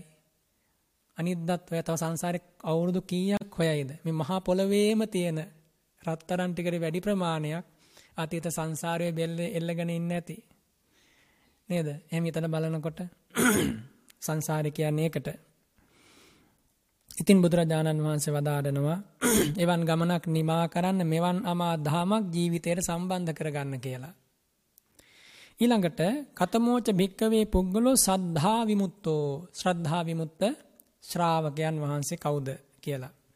ඉද භික්කවේ ඒකච්චෝ පුද්ගලෝ යේතේ සන්තා විමුක්ඛා අතික්කම රූපේ ආරූපා තේන කායේන පුසිට්වා විහෙරති. මහණෙනි මේ ශාසනයේ මගේ ශ්‍රාවකයෙක් ඉන්නවා ඒ උතුමන් වහන්සේ අරූපාවචර සමාපatti උපදවලා නැහැ තාම. අරූපාවචර සමාපatti උපදවලා නැහැ. හැබැයි රූපාවචර සමාපatti උපදවලා තියෙනවා වෙන්නත් පුළුවන්. උපදවලා නැහැ වෙන්නත් පුළුවන්. පඤ්ඤාය තස්ස දිස්වා ඒකච්චේ ආසව පරික්ඛේනා හොಂತಿ. හැබැයි ප්‍රඥාවෙන් කෙලස් ධර්ම වලින් කොටසක් ප්‍රඥාවෙන් දැකලා ආර්ය මාර්ග ප්‍රඥාවෙන් ඇතැම් කෙලස් ප්‍රහාණය කළා තියෙනවා. ඇතැම් කෙලස් තාම ප්‍රහාණය කළා නැහැ. තථාගතේ චස්ස සද්ධා නිමිට්ඨා ඒ උතුමන් වහන්සේට තථාගතයන් වහන්සේ ගැන හොඳ ශ්‍රද්ධාවක් තියෙනවා. මූල ජාතා. ශ්‍රද්ධා මූලය හොඳට මුල් බැහැලා තියෙනවා. පතිට්ඨිතා පිහිටලා තියෙනවා. අයං උච්චති භික්කවේ පුද්ගලෝ සද්ධා විමුක්තෝ. අන්නේම කෙනෙකුට මහණනි ශ්‍රද්ධා විමුක්ත කියලා කියනවා. ඒ කියන්නේ උතුමන් වහන්සේට ඒකාන්තයෙන් අරූපාවචර සමාපatti නැහැ. රූපාවචර සමාපatti තියනවා වෙන්න පුළුවන්. සද්ධාය විමුක්තෝ. ශ්‍රද්ධාවෙන්මයි ඒ උතුමන් වහන්සේ විමුක්තිය කරා ආවේ. ශ්‍රද්ධාව පාදක කරගෙනමයි. සද්ධා බීජං ශ්‍රද්ධාව බීජය කරගෙන. සද්ධා බන්ධති පාතහියං ශ්‍රද්ධාව මග වියදම කරගෙන. සද්ධීද විත්තම් පුරිසස්ස සෙට්ටං ශ්‍රේෂ්ඨ ධනය කරගෙන. සද්ධාය තරති ඕඝං සසර ඕඝය ශ්‍රද්ධාව නැමැති පහුරෙන් තරණය කරගෙන. තමයි උතුමන් වහන්සේ වැඩියේ ඒ ගමන. එතකොට ඒ උතුමන් වහන්සේ සෝවාන් උතුමන් වහන්සේ සකදාගාමි මාර්ගස්ත පලස්ත අනාගාමි මාර්ගස්ත පලස්ත ඒ වගේම අරහත් මාර්ගස්ත කියන මේ හය දෙනාගේ වශයෙන් බුදුරජාණන් වහන්සේ පෙන්වනවා වර්ග කරලා. පුද්ගල විභාගය මෙව දැනගෙන තියෙන්න ඕන. සුක්ක විපස්සක චතුර්ථ ධාන ලාභී ආදී වශයෙන් ආකාර පහකින් මේ පුද්ගලයෝ හය දෙනා ආර්යයන් ආර්ය භූමියට පත් වෙනවා. සුස්ක විදර්ශනාව සිද්ධ කරලා නැත්තම් මුළුමනින්ම විදර්ශනාවෙන් වැඩ පටන් අරගෙන ඒ ඔස්සේ ගමන් කරනවා. එහෙම නැත්තම් ප්‍රථමාදී ධ්‍යාන හතර උපදවලා කැමැති ධ්‍යානයකින් නැගී ඉඳලා නාම රූප පරම්පරාව විදර්ශනාවකට නතු කරලා ඉන්න අනතුරුව මේ කියපු අවස්ථාවටපත් වෙනවා. මොන අවස්ථාවටද? සෝවාන්, සකදාගාමි, අනාගාමි කියන මේ අවස්ථාවන්ට. බුදුරජාණන් වහන්සේ වදාරනවා සද්ධාය අධිමුත්තෝති අත්හෝ මේ සද්ධා විමුත්ත කියන්නේ ශ්‍රද්ධාවෙන් ශ්‍රද්ධාවට ඇලීගෙන ගැලීගෙන නොසෙල් වෙන ශ්‍රද්ධාවක්. ඒ ශ්‍රද්ධාව මහ පුදුම ශ්‍රද්ධාවක් මට මතක් වෙනවා ඔය අපේ රටට බැමිණි ඉතිහාසාගතය ආවනේ. ඒ කාලේ මතකයිනේ. මතක් වෙන්නේ කොහොමද තව අවුරුදු කීයද ඉපදිලා. අහලා තියෙනව නේද අපි බැමිණි ඉතිහාසාගතේ හැවත් බ්‍රහ්මන තිස්ස බය ඇති වුණා කියලා. ඒ බ්‍රහ්මන තිස්ස බය ඇති වෙච්ච කාලේ මිනිසුන්ට කන්න නැහැ. කොච්චර දුක් විඳද කියනවනම් ගස්වල පොතුත් නැහැ. සමහර කාලවල. ඉතින් ඒ කාලේ ජයම්පති කාය කියන්නේ අලුතෙන් බැඳපු ජෝඩුවක් දැන් ඉතින් කන්න නෑනේ කැලේට ගියා. කැලේට ගිහිල්ලා මේ පැලක් හදාගෙන කොහොම හරි තින් ජීවත් වෙනවා. එතන තියෙන ලොකු කරගහක්. කරකොල දැකලා තියෙනවද? මේ රටේ කරගස් නෑනේ නේ. කර වෙච්ච කාන්තාර නම් තියෙනව නේද? කරගස් කියලා කියන්නේ ඔය කහාර දීප කියලා අකිත්ති තාපසතුමා අපමහා බෝසතාණන් වහන්සේ මේ භද්‍ර කල්පයේ උපේක්ෂා පාරමිතා පුරණ කාලේ ලංකා ධර්ණීතලව යාපන ප්‍රදේශයේ මට මතක අපේ නාවුවනේ ලොකු ස්වාමීන් වහන්සේ කියන ඒ පැත්ත කියලා. ඒතර ඒ වගේ පැත්තකට ඇවිල්ලා කහරදීප මේ කරගස්වල කොළ අනුභව කරලා වාසය කළා. තවස් තුනක් එක දිගට කරකොල දන් දුන්නා. කරකොල දන් දුන්නා. ඉතින් ඒ දන් දීපු කාලේ මේ ඒ කරකොල කියන දේවල් අනුභව කරලා තාපසවරු කැලේ කාලය ගත කරනවා. උණු වතුර ටිකකට කරකොල දාලා මදක් තැම්බුණාට පස්සේ කිරි රසක් එනවා. කරකොල අපේ නාරන්න එහෙම තියෙනවා කරකොල. ඉතින් එතකොට මේ ඒ කරකොල තියෙන ඒ කියන්නේ ඒ කරගස්වල තියෙන විශේෂය තමයි පායන්න පායන්න ලියලනවා. මොකක් හරි වාසනාවකට පායන්න පායන්න ලියලනවා දළු දානවා. ඉතින් ඒ කරගහ ළඟ තමයි මේගොල්ලෝ නතර වුනේ. නතර වෙලා උදේට ගිහිල්ලා කරකොල ටිකක් අරන් එනවා. ගහ බොහොම අර පරිස්සම් කරගෙන කාලා ජීවත් මේ අපේ රටේ මිනිසුන්ට මේ ලෝකේ මිනිසුන්ට එවන් යුගයන් ආවා. ඔය ලෝක යුද්ධ කාලවල එහෙම බලන්න ඕන මිනිසු විඳපු දුක් කන්න බොන්න නැතුව. දැන් ඔය අත්තන්ට යහමින් කන්න බොන්න තිබුණට. ඉතින් මේ මෙතෙන්ට මේ වඩිනවා එක ස්වාමීන් වහන්සේ නමක් පිණ්ඩපාතේ. පිණ්ඩපාතේ වැඩියට පස්සේ පිණ්ඩපාතේ වැඩියට පස්සේ මේ දෙන්න දන් දීලා පුරුදුයි. අර දන් දීලා පුරුදු කෙනාට නොදී කන්න බෑ කියනවනේ. ඉතින් මේ දෙන්න මේ ස්වාමීන් වහන්සේ ආසනයක් පනවලා වඩා හිඳවලා කියනවා ස්වාමීනි කරකොල ටිකක් පූජා කරනවා හදලා ඉක්මනින් උතන වැඩ ඉන්න. අපි ඉක්මනින් පූජා කරනකම් වැඩ ඉන්න. කරගහ ළඟට ගිහිල්ලා බලනකොට කර්ම විපාකයක මහත රාත්‍රියේ පණුව කාලා කරගහේ පොත්තක්වත් නැහැ. ඉතින් ඊට පස්සේ හිතනවා දැන් කොහොමද දන් දෙන්නේ කියලා. ඉතින් මේ තරුණ කුමාරිකාව ඔබ අහලා තියෙන සුප්පියා උපාසිකාව මේ ගාතයෙන් කෑල්ලක් කපලා උයලා දන් දුන්න කියලා. සෝවාන් ආර්ය ශ්‍රාවිකගේ බලය, සෝවාන් ආර්ය ශ්‍රාවිකාවකගේ බලය. එකම පිරිමියෙක්වත් දීලා නැහැනේ කෑල්ලක් කපලා ඉතිහාසෙ. එතකොට දැන් මේ කාන්තාව කාමරයට ගිහලා පිහියක් අරගෙන කකුල කපන්න හදනවා.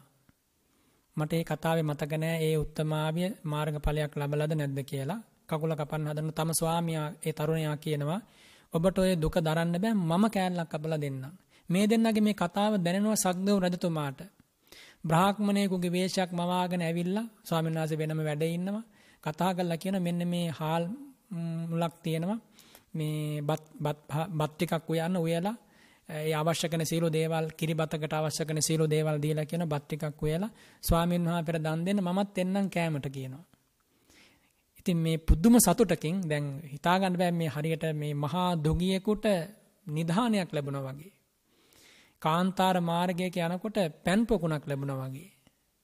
හරියට දරාගන්න බැරි රෝගයකට දිව්‍ය ඖෂධයක් ලැබුණා වගේ. ඉතින් දානේ හදලා ස්වාමීන් වහන්සේට බෙදුවා. සුවඳ හමනෝ පලාතෙම සුවඳ හමනවා. ශ්‍රද්ධාවක බලය. සුවඳ හමනකොට ස්වාමීන් වහන්සේ දානෙත් වළඳලා ඉවර වුණා. බත් වාජනය හිස් වෙන්නේ නැහැ. හරි පුදුමයි. බත් භාජනය හිස් වෙන්නේ නැහැ. ඉතින් මේ දෙන්න බලාගෙන හිටියා මේ කියපු පුද්ගලයා එන්නේ නැහැ. දැන් බඩගිනි ඉතින් කොහොම හරි ටිකක් අනුභව කළා. ඒත් අඩු වෙන්නේ නැහැ. ඊට පස්සේ දැන් මේ හාත්පසත් මිනිස්සු කැලෑ වලට වන වැදිලා ඉන්න කාලේනේ එන එන හැමෝටම කන්න දුන්නා. ඒත් ඉවර වෙන්නේ නැහැ. සඳහන් කරනවා මේ බත් මුට්ටිය ඒ විදිහට පහළ වෙච්ච දවසේ ඉඳන් බ්‍රහ්මන තිස්ස භය අවසන් වෙනකන් වාසනාවන්ත මිනිසුන්ට ස්වාමින් වහන්සේලාට මේ පැත්තේ කවදාවත් දානි නැති උනේ නැහැ කියලා. ඒ වගේ අසිරිමත් දේවල් සිද්ධ වුණා ශ්‍රද්ධාවේ බලය නිසා. ශ්‍රද්ධාවේ බලය අපේ රටේ හිටපු මිනිස්සු පුදුමාකාර මිනිස්සු. මට තවත් කතාවක් මතක් වෙනවා දැන් මේ කතාව දිග්ගැස්සෙනවා. ඔය අපේ රටේ රුහුණු රටේ රුහුණු රුහුණු ප්‍රදේශයේ එක්තරා රහතන් වහන්සේ නමක් පිණ්ඩපාතේ වඩිනවා.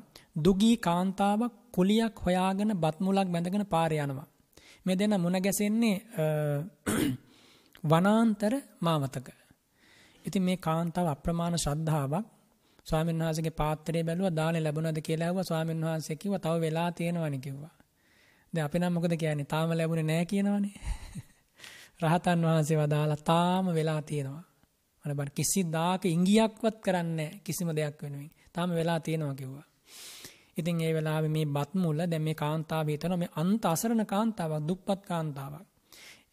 මුළු සන්තකේටම තියෙන වස්තුව මේ බත් මුල එදා නැති වුණොත් කුසගින්න ඉන්න වෙනවා. මම මේ බත් මුල රහතන් වහන්සේට පූජා කරනවා. වෙනදා මගේ නිවසට පිණ්ඩපාතේ වඩිදි දෙන්න දෙයක් නැහැ.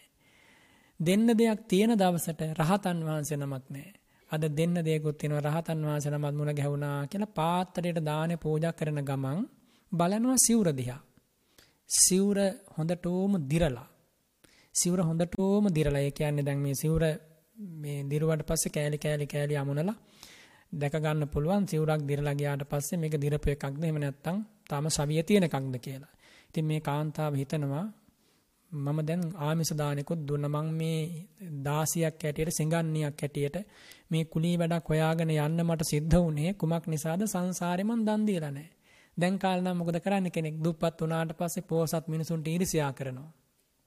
යහමින් යමක් කමක් තියෙන මිනිසු දෙස බලලා නොයේක් විදිහ අපවාද උපවාද නගනවා. ධර්මයේ දන්න කිසිම දුක්පතෙක් පෝසතුන්ට නිග්‍රහ නොකළ යුතුයි. ධර්මයේ දන්න කිසිම පෝසතෙක් දුප්පතුන්ට නිග්‍රහ නොකළ යුතුයි. ඒක එහෙමමයි.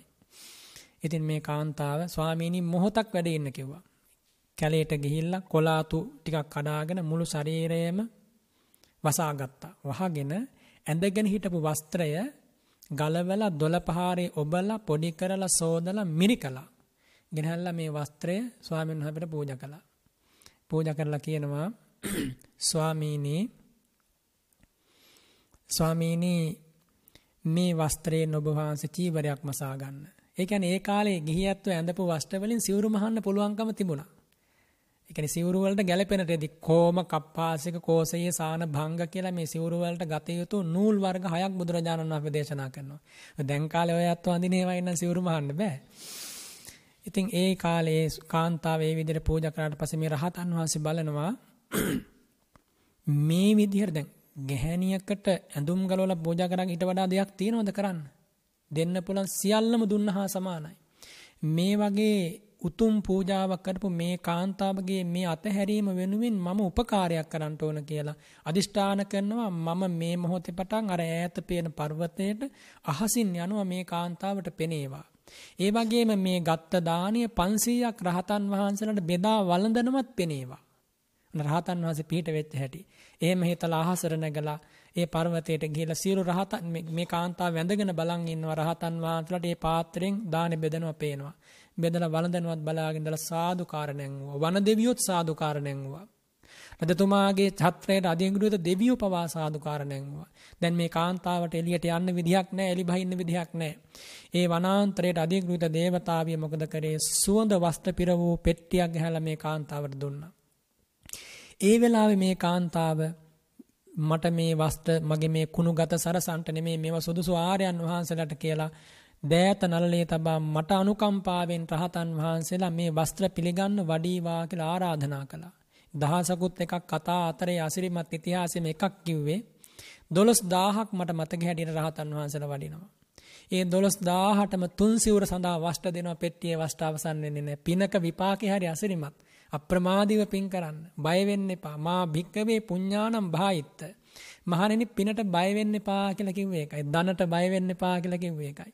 ලෝකෙ මිනිස්සු බය වෙනවා දන් දෙන්න. ඔය අත්තන්ට දන් දෙන්න පුළුවන් වුණාට දෙන්න බෑ හැමෝටම දානේ. දන්නව ඇතිනේ මේ රටේ එන සුදු මහත්තුරු සුදු නෝල්ලා දෙනවද කියලා අඩුතරමින් මේ පුංචි ටොපි චොකලට් ටිකක්වත් සිංහල මිනිසුන්ට භාග්‍යතුන් වහන්සේගේ ශාසනය ලැබිච්ච ආభాෂය නිසා මොන තරම්නම් පුදුමයිද. ඉතින් ඒ කාන්තාව ඒ විදිහට දන් දීලා මරණින් මත්තේ දිව්‍ය ලෝකෙ ඉපදුනා. ශ්‍රද්ධාවක බලය. ශ්‍රද්ධාව එන්නේම ශ්‍රද්ධාවකින් ගමන් කරන කෙනෙක් තමයි දවසක සද්ධා විමුක්ත ආර්ය ශ්‍රාවකයෙක් බවට පත්වන්නේ. සද්ධා විමුක්ත ආර්ය ශ්‍රාවකයෙක් බවට පත්වන්නේ. ඒකංසතෝ අයම් පටිපදා කිලේසක් හයං ආවහති ති සම්මා සම්බුද්ධේන භාසිතත්තා මේ ප්‍රතිපදාවේ කාන්තයෙන් කෙලෙස් ධර්ම ප්‍රහාණය කරන්න හේතු වෙනවා කියන අච්චල විශ්වාසයෙන් ගමන් කරන සෝවාන් ආර්ය ශ්‍රාවකයාගේ පටන් අනා අරහත් මාර්ගස්ත උතුමන් වහන්සේ දක්වාම මේ සියලු දෙනාට කියනවා සද්ධා විමුක්ත උතුමන් වහන්සේ කියලා. එතකොට දැන් මේ දිප්පත්ත ඊළඟට සද්ධා විමුක්ත කියන මේ උතුමන් වහන්සේලා ගැන කතා කරද්දී පූර්ව භාග ප්‍රතිපදාව තුල පූර්ව භාග ප්‍රතිපදාව තුල ශ්‍රද්ධාව බලවත් කරගෙන ශ්‍රද්ධාව බලවත් කරගෙන ගමන් කරන කෙනාට කියනවා සද්ධා විමුක්ත උතුමන් වහන්සේ කියලා. මොකද්ද පූර්ව භාග ප්‍රතිපදාව කිව්වේ? දන් දෙනකොට සිල් රකිනකොට භාවනා කරනකොට පිළිවෙත් පුරනකොට මගඵල ප්‍රතිවේදයේ උදෙසා එයා ශ්‍රද්ධාවමයි බලවත් කරගන්නේ. ශ්‍රද්ධාවෙන්මයි ගමන යන්නේ. අන්න යාට කියන සද්ධානු සද්ධා විමුක්ත උතුමන් වහන්සේ ඒ විදිහට ගමන් කරලා මාර්ගඵලයන්ටපත් වුණාට පස්සේ යම් කිසි කෙනෙක් ප්‍රඥාව මුල් කරගෙන ගමන් කරලා ප්‍රඥාවම බලවත් ඉන්ද්‍රිය කරගෙන ගමන් කරලා මාර්ගඵලයන්ටපත් වුණාට පස්සේ බුදුරජාණන් වහන්සේ වදාරනවා අන්නේ කෙනා දිට්ඨිප්පත් වෙනවා කියලා. ශ්‍රද්ධාව ශ්‍රද්ධාව පෙරටු කරගෙන ගමන් කරන කෙනා ගැන ඒ ගමන් කරන කෙනාගේ කෙලස් ප්‍රහාණය ගැන උපමාවකින් කියනවා හරියට මොට වෙච්ච කඩුවක් අරගෙන කෙසෙල් ගසක් කපනවා වගේ කියලා. එතකොට ඒ කෙසෙල් ගස කපනකොට මොට වෙච්ච කඩුවක් නිසා සද්දයකුත් වෙනවා ඉක්මනින් කැපෙන්නේ නැහැ. හැබැයි කොහොම හරි කැපෙනවා කෙසෙල් ගසක් නිසා. අන්න ඒ වගේ ශ්‍රද්ධාවෙන් ශ්‍රද්ධාව මුල් කරගෙන ගමන් කරන කෙනා දවසක කෙලෙස් ප්‍රහාණය කරලා සසර දුකින් මිදෙනවා. ඒ වගේම ප්‍රඥා ඉන්ද්‍රිය බලවත් කරගෙන ගමන් කරන කෙනා හරියට තියුණු කඩුවකින් කෙසෙල් ගහක් කපනවා වගේ. සද්දයක් එන්නේ නැහැ. ඊතා ඉක්මනින් අපහසුවකින් තොරව කැපිලා යනවා. අන්න ඒ වගේ ඒ කෙනාට කියනවා දිට්ඨිපත්ත උතුමන් වහන්සේ නැත්තම් ඒ ප්‍රඥාව මුල් කරගෙන ගමන් කරන කෙනා කියලා. එතකොට මේ දෙදෙනාගේම දිට්ඨිපත්ත සද්ධා විමුක්ත කියන මේ දෙදෙනාගේම සද්ධේන්ද්‍රිය, විරේන්ද්‍රිය, සතේන්ද්‍රිය, සමාධීන්ද්‍රිය, පඤ්ඤේන්ද්‍රිය කියන මේ ඉන්ද්‍රිය ධර්ම අතිශයින් ප්‍රබලයි. ශ්‍රද්ධාව නම් වූ චෛතසිකේ බලාත්මකයි. ඊළඟට විරිය නම් වූ චෛතසිකයත් එහෙමයි. සතිය නම් වූ චෛතසිකයත් එහෙමයි. ඒකාග්‍රතාව නම් වූ චෛතසිකයත් එහෙමයි. ප්‍රඥාව නම් වූ චෛතසිකයත් එහෙමයි. එතකොට ඒ උතුමන් වහන්සේ කියන සද්ධා විමුක්ත කියලා. තව ටික වෙලාවක් ගත්තට කමක් නැද්ද? කතමෝච භික්කවේ පුංගලෝ ධම්මානුසාරී. ඊළඟට ධම්මානුසාරී උතුමන් වහන්සේ කියන්නේ කවුද? ඉද භික්කවේ ඒකච්චෝ පුංගලෝ යේතේ සන්තා විමුක්ඛා අතික්කම රූපේ ආරෝපා තේන කායන පොසිට්වා විහෙරಂತಿ. මහණෙනි මේ ලෝකෙ කෙනෙක් ඉන්නවා. ඒ ශ්‍රාවකයා මේ ධම්මානුසාරී සද්ධානුසාරී කියන දෙදෙනා වැරදි විදිහට බොහෝ දෙනා තේරුම් ගන්න. මේක හොඳට අහගෙන ඉන්නේ. මේ මේ ලෝකේ යම් ශ්‍රාවකයෙක් ඉන්නවා මහණෙනි ඒ ශ්‍රාවකයා අරූපාවචර සමාපatti උපදවලත් නැහැ. ඒ ශ්‍රාවකයා අරූපාවචර සමාපatti උපදවලත් නැහැ. රූපාවචර සමාපatti ඇතැම් විට උපදවලත් නැහැ වෙන්න පුළුවන්.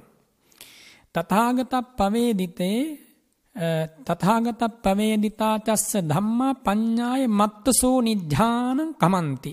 වදාරනවා ඒත් එයාට මේ තථාගතයන් වහන්සේ වදාළ ධර්මයේ පිළිබඳව ප්‍රඥාවෙන් නුවණින් විමසද්දී යම් අදහසක් හිතට එනවා මේ මාර්ගයේ නිවන් පිණිස පවතින මාර්ගයක්.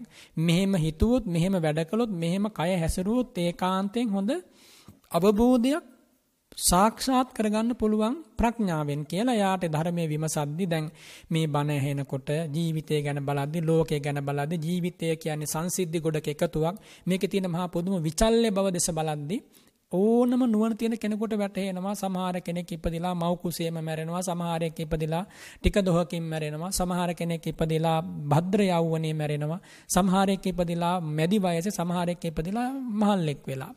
සමහර කෙනෙක් ලෙඩ රෝග වලින් සමහර කෙනෙක් විවිධ විදියට මැරෙනවා. විවිධ විදියට කර්ම විපාක ජීවිතේට එන හැටි ඕනම කෙනෙකුට නුවණින් විමසද්දි පේනවා. අන්න එහෙම නුවණකින් ජීවිතේ පසු වෙද්දී යාට වැටහෙනවා මේ ධර්මයක් ඇහුණට පස්සේ මේ මාර්ගයේ ගමන් කළොත් දවසක සැනසීමක් ලැබේවි.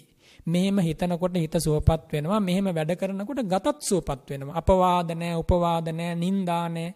ජීවිතයට කාගෙන්වත් කරදරයක් එන්නේ නැහැ. මේ ධර්මයේ හැසිරෙනකොට. අන්නේ අවබෝධයෙන් ඉදිරියට ගමන් කරනවා. අන්න එහෙම යන කෙනාට ධම්මානුසාරී කියලා කියනවා. ධම්මාති පඤ්ඤා පඤ්ඤා පුබ්බංගම මග්ගම් භාවේ තීති අත්හෝ ධම්මා කියලා කියන්නේ කුමක්ද ප්‍රඥාවට නමක්. එතකොට ප්‍රඥා පූර්වංගම වූ මාර්ගයේ භාවිත කරන ප්‍රඥාව මුල් කරගෙන ගමන් කරන කුමක් උදෙසාද සෝවාන් වීම උදෙසා. සෝවාන් වීම උදෙසා ප්‍රඥාවෙන් ගමන් කරනවා. අන්න යාට කියනවා ධම්මානුසාරී කෙනා කියලා. හැබැයි තාම සෝවාන් වෙලා නැහැ. සෝවාන් මාර්ගයට හෝ ඵලයටපත් වෙලා නැහැ. සෝවාන් මාර්ගයේ ඒක චිත්තක්ෂණිකයි. ඒ චිත්තක්ෂණය පසු කරලා නැහැ.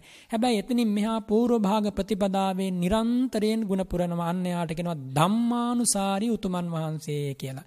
එතකොට මෙතන ඉන්න ඇත්තෝ ඒ ධම්මානුසාරී ධම්මානුසාරී කියන ප්‍රතිපදාවේ ඉන්න අය.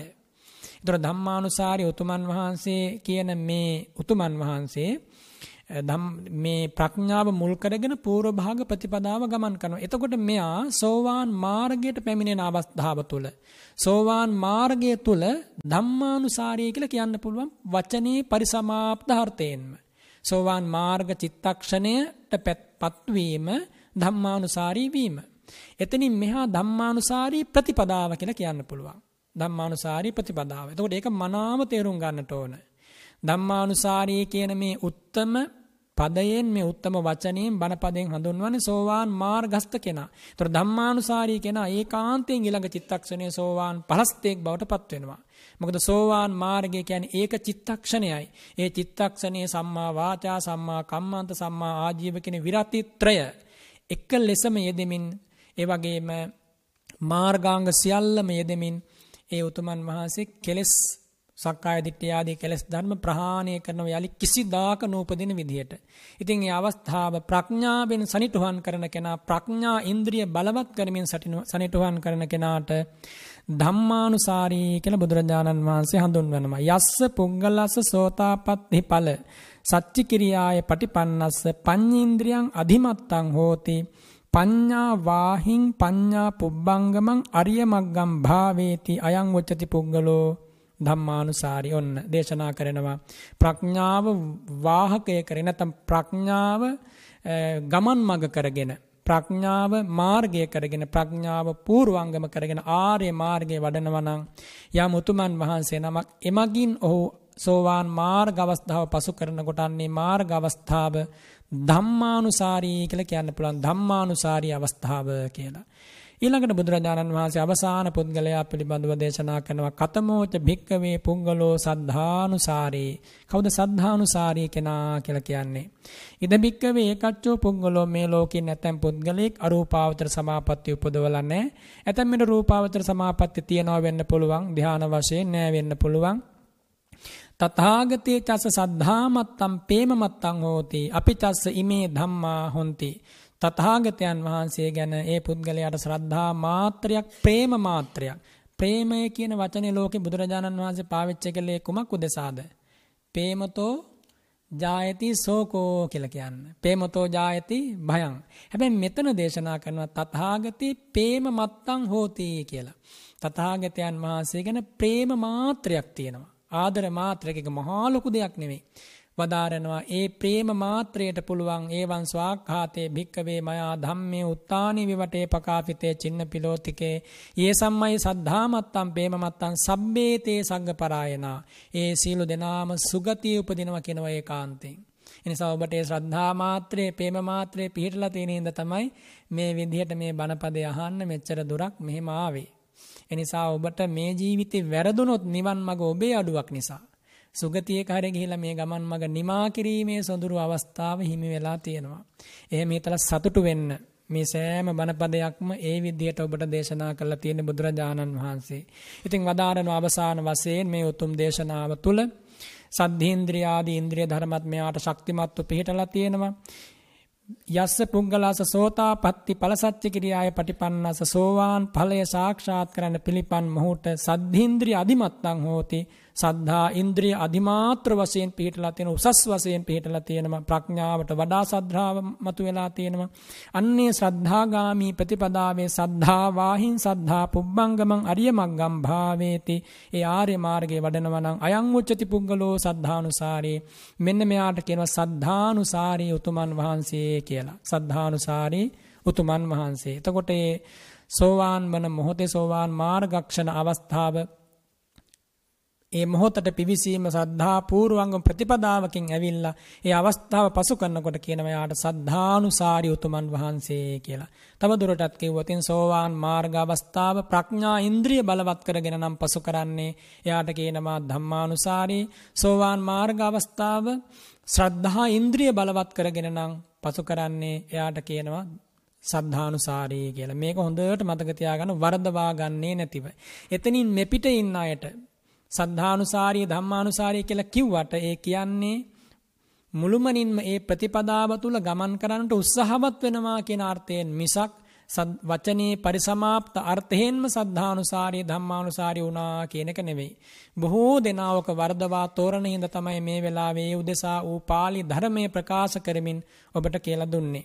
ඉතින් භාග්‍යතුන් වහන්සේ මේ සූත්‍ර දේශනාව නැත්තම් මේ උතුම් ධර්මපරියායදා කීටාගිරියේදී දේශනා කළ අවසන් කරද්දී වදාරනවා නාහම් භික්කවේ ආදිකේනේ වඤ්ඤාරාධනං වදාමි.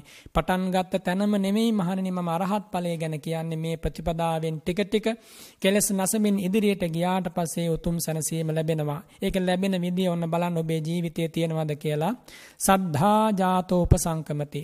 ශ්‍රද්ධාව ඇති වුණාට පස්සේ මහා සංඝරත්නයේ වෙත බුදුරජාණන් වහන්සේ වෙත එළඹෙනවා. සත්පුරුෂයා කල්යාණ මිත්‍රයා වෙත එළඹෙනවා. උපසංකමන්තෝ පයුරුපාසති. එහෙම එළඹිලා සංඝරත්නයේ බුදුන් ප්‍රමුඛ සංඝරත්නයේ ඇසුරු කරනවා. පයුරුපාසන්තෝ සෝතං ඕදහති. එහෙම ඇසුරු කරන්න ලැබුණාම ඒ කියන ධර්මයට කන් යොමු කරනවා.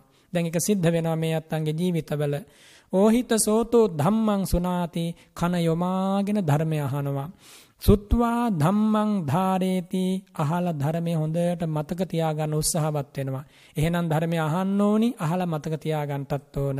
දතානං ධම්මානං අත්හං උපපරික්ඛති ඇසූ ධර්මයේ අර්ථය මනාව විමසන්ටත් ඕන. ඇසූ දැරූ ධර්මයේ අර්ථය විමසන්ට ඕන. දැන් මේ අහපු බණපදේ හොඳට නුවණින් විමස විමසා gedara බලා යන්න. ඊළඟට වදාරනවා ධම්. ඒවයි ඒ විදියට අර්ථේ විමසනකොට අත්හං උපපරික්ඛන්තෝ ධම්මා නිඥානං කමන්ති කමති. එහෙම අර්ථයේ විමසනකොට මේ ධහම ටික ටික වැටහෙන්න පටන් ගන්නවා. ධම්ම නිඥාන කන්තියා සති ඡන්தோ ජායති. ඕන දැන් ධර්මයේ වැටහෙන්න ගන්නකොට ලොකු කුසල ඡන්දයක් හිතේ ඇති වෙනවා. ඒ කුසල ඡන්දය ශක්තිමත් වෙන ශක්තිමත් වෙන්න ඡන්ද ජාතෝ උත්සහති එයා උත්සාහවත් වෙනවා. මොකටද උත්සාහවත් වෙන්නේ? මේ ධර්මය අවබෝධ කරගන්න පිළිවෙත් පුරාණ නුදුන් දාණය දෙන්න නොරැකි සීලය රකින්න. උත්සාහෙත්වා තුලේති. එහෙම උත්සාහවත් වෙමින් උත්සාහවත් වෙමින් කරන දේවල් නැවත නැවත ධර්මයට ගලප ගලපා ගලප ගලපා බලනවා.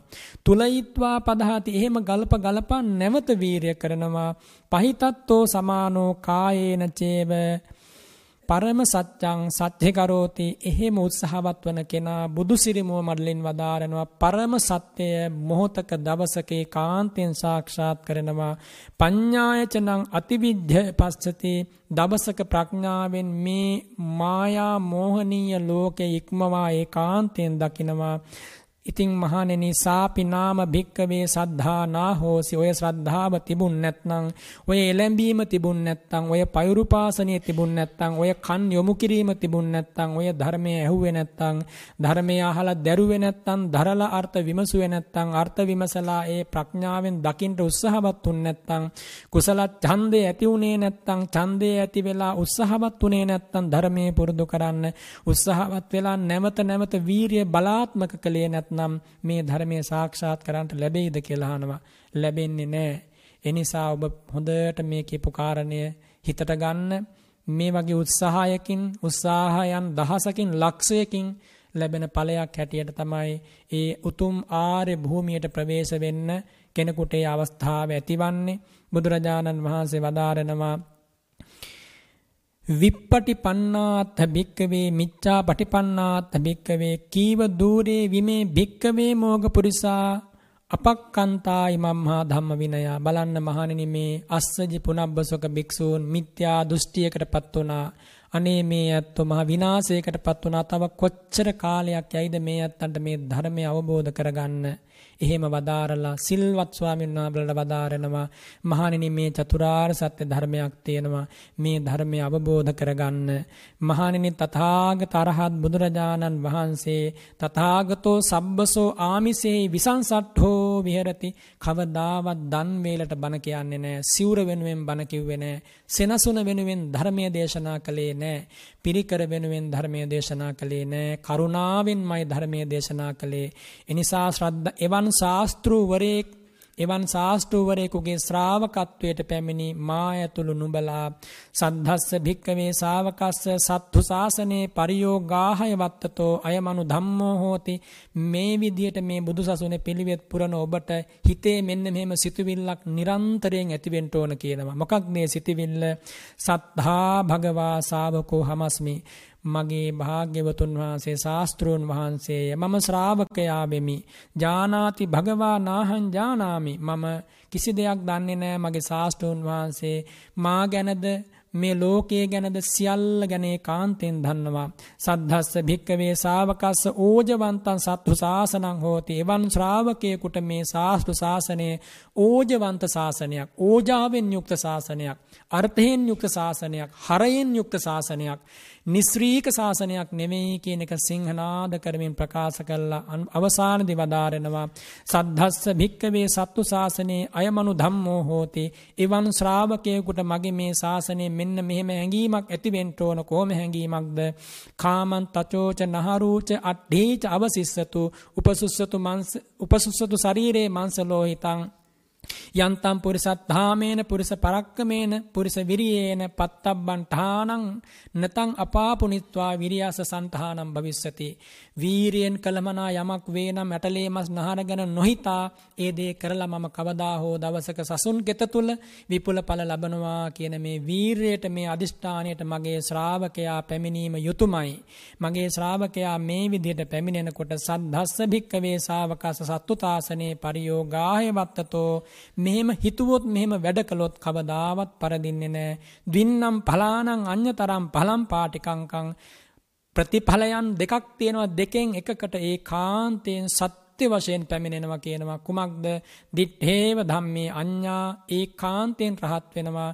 සතිබා උපාසි උපාදිශේෂේ රහත් වෙන්න බැරි වුණොත් අනාගාමිතා අනාගාමී වෙලා මේ ජීවිතයෙන් සමුවරගෙන ආය කවදාවත් කාම ලෝකයට නෑවිත් සුද්ධාවාසයට ගමන් කළා. ඒ තුල සසරින් සසර ගමනින් නිදහස් වෙලා අනන්ත අමාමහා නිවන ප්‍රඥාවෙන් දකිමින් ඒ ගමන් මඟ අවසන් කරනවා කියලා දේශනා කළා. ඉතින් ඒ උතුම් සූත්‍ර දේශනාව කීටාගිරි සූත්‍රය ඇසුරින් තමයි අද මේ උතුම් ධර්ම දේශනාව ඔබ වෙනුවෙන් මේ රාත්‍රී කාලයේ පවත්වන්නට යෙදුනේ මේ සූත්‍රයේ විස්තර වශයෙන් කළොත් හෙට උදෑසන වෙනකන් දේශනා කරන්න ඕන. ඉතින් මට හිතුනේ දැන් සර්වරාත්‍රිකව බුදුගුණ දේශනා ඇහුවට වඩා වෙහෙසක් වගේ දෝ කියලා මේ අත්තන්ට මේ පැය දෙකමාරක් වගේ කාලය බුදුගුණයක් අහනකොට කොච්චර වෙහෙසක් තිබුණත් දැනෙන්නේ නැහැ. හැබැයි මේ ඇහුවේ බුදුගුණයක් කතාව කරපු ක්‍රමේ වෙනස්. ඉතින් ඒ නිසා ජාතක දේශනාව ඊළඟට ධම්මපද දේශනාව සූත්‍ර දේශනාව විනය දේශනාව අභිධර්ම දේශනාව එක විදියට හැමෝටම දැනෙන්නේ නැහැ. දැනුණත් නොදැනුණත් ඒ ධර්මපරයායෙන් ඔබේ ඔය ජීවිතය සුවපත් කරන කරුණු ඒකාන්තයෙන් ඇතුළත් වෙලා තියෙනවා. මේ ඇසූ ධර්මයක් ඔබේ ජීවිතයට ගලප ගන්න බලන්න. ආර්යයන් වහන්සේලා ගැන තමයි මේ කන් වලින් ඇහුවේ. ඔබත් දවසක චතුරාර්ය සත්‍ය අවබෝධ කරද්දී මෙන්න මේ අවස්ථා වලින් තමයි මේ උතුම් භූමියට ගමන් කරන්නේ. ඔබ දැනගෙන ඉන්නවා දැන් මේ මේ අවස්ථාවන් පසු කිරීමෙන් මේ මේ උත්තම සැනසීම ලැබෙනවා. මේ මේ කෙලෙස් ප්‍රහාණය වෙනවා. මේක තමයි ප්‍රතිපදාව. දැන් මේ කියුනේ සමත පූර්වාංගම විදර්ශනාව ඊළඟට විදර්ශනා පූර්වාංගම සමතය ඊළඟට සමතයයි විදර්ශනාවයි යුගනන්ද වශයෙන් එකට භාවිතා කිරීම. එනිසා මේ ඇසුවේ කුමක්ද නිවන් මඟ. මේ නිවන් මඟ පිළිබඳව සිත පහදවාගෙන චිත්ත ප්‍රසාදයෙන් ඇසූ ඔබට යමා නිවන් සුවය ඊතා ඉක්මනින් ලබාගෙන සංසාර කතරින් සමු ගැනීම පිණිසම මේ උදාර උතුම් ධර්මානුශාසනාව හේතු වාසනා වේවා කියලා මම ආශිර්වාද කරනවා. මෙතෙන්ට රැස් වූ සියලු දෙනාගේම නමින් මිය පරලොව යන්නට යෙදුන සියලූම ඥාතීන් ගැන සිහි කරගන්න. ඒ වගේම අපේ කැපකරු මහත්තයා මේ පින්වත් රුවන් රාජපක්ෂ මහත්මයාගේ නමින් මිය පරලොවගේ සියලු දෙනාටමත් මේ උතුම් බණමඩුවේ මෙහෙම එකතු වෙලා මහා සංඝරත්නය ඉදිරියේ බොහොම නිහතමානීව ගුණ ගෞරවයෙන් කාලය වේලාව ගැන නොහිතා ධර්මකාමීව ධර්මකාමීව ධර්මයේ පිළිබඳව අපමණ ගෞරවයකින් සෙනෙහසින් පසුවන මේ පින්වත් පිරිසට මේ පිරිසගේ නමින් මිය පරලොවගේ සියලු ඥාතීන්ට සක්දෙව් රජතුමාට සතරවරම් දෙවියන්ට මේ උදාර උතුම් පින ඒකාන්තයෙන් අයිති වේවා කියලා අපි ගාථා සජ්ජායනා කරලා අපින් අනුමෝදන් කරලා මේ උතුම් බණ කතාව අදට සමාර කරනවා. හැම දෙනාම සිත් පුරවා රැස් කරගත් මේ උතුම් කුසලය සිළු ඥාතිහු දෙවියෝ අනුමෝදම් වෙත්වා කියලා ගාථා සජ්ජායනා කරලා පින් අනුමෝදන් කරන්න. ඉදංවෝ ඥාති නං හෝතු සුකිතා හොන්තු ඥාතයෝ ඉදංවෝ ඥාති නං හෝතු සුකිතා හොන්තු ඥාතයෝ ඉදංවෝ ඥාති නං හෝතු සුකිතා හොන්තු ඥාතයෝ එත්තාවතාච අම්මෙහි සම්භතං පුඤ්ඤ සම්පදං සබ්බේ දේවා අනුමෝ දන්තු සබ්බ සම්පත්ති සිද්ධියා සබ්බේ භූතා අනුමෝදන්තු සබ්බ සම්පත්ති සිද්ධියා සබ්බේ සත්තා අනුමෝදන්තු සබ්බ සම්පත්ති සිද්ධියා ආකා සට්ඨාච බුම්මට්ඨා දේවානාගා මහිද්දිකා පුඤ්ඤන්තං අනුමෝදිත්වා චිරං රක්ඛන්තු සාසනං චිරං රක්ඛන්තු දේශනං චිරං රක්ඛන්තු ත්වං සදාති මේ මිහිකත කම්පා කරන ලද ගුණ ඇති බුදුරජාණන් වහන්සේගේ අනන්ත ගුණ සත්‍යානුභාවයෙන් මේ මිහිකත හඬවාලූ ගුණ ඇති ශ්‍රී සද්ධර්මයේ ගුණානුහසින් මහා පොළව කම්පා කළ ගුණ ඇති මහා සංඝරත්නයේ පිළිවෙත් ධර්ම සත්‍යානුභාවයෙන් තෙරුවන් වහන්සේලාගේ අනන්ත ගුණ බලයෙන් මේ අසෝ ධර්මයේ සත්‍යානුභාවයෙන් මේ පින්වත් සියලු දෙනාම අනන්ත සසරක පටන් මේ මොහොත දක්වා පුරන ලද දානාදී පින් බලයෙන් හැම හිතක්ම සුවපත් වේවා. හිසේ පටන් දෙපතුල දක්වාම දෙපතුලේ පටන් නිස දක්වා රෝගාබාධයක් වේ නම් කායික පීඩාවක්. මේ උතුම් ධර්ම සත්‍යයේ බලයෙන් ඒකාන්තයෙන් සියල්ල ප්‍රහාණය වේවා. මේ උතුම් ගමන ඔබට නිදුක් නිරෝගීව ගමන් කරන්න තව බොහෝ පින් රැස් කරගන්න ධර්මය පුරුදු කරන්න මේ ලෝකේ නිදුක් නිරෝගීව ජීවත් වීම වටිනවා නිදුක් නිරෝගීව ජීවත් වෙන්න මේ උදාර කුසල සංස්කාරය ඒකාන්තයෙන් හිතුවත් නොහිතුවත් හේතු වෙනවා. මේ වගේ වෙලාවක මේ පැය හෝරා දෙකහමාරක වගේ කාලය තුල පහළ වෙච්ච සෑම කුසල් සිතක් සමගම පහළ වෙනවා. චිත්තජ රූප ඒ රූපවලට පුළුවන් ඔබව නිරෝගී කරන්න ඔබව පැහැපත් කරන්න ඔබව සැහැල්ලු කරන්න ඔබට කුසල විපාක මතු කරලා දෙන්න අනාගතය සුවපත් කරන්න. ඔබ ඒවා දන්නවා නම් ඔය ආසනයෙන් අද නැගිටලා යන්නේ නැහැ. ඒ තරමින්ම මේ ධර්මයේ ආශ්චර්යමත් අසිරිමත් සෙත සලසනවා ඔබට.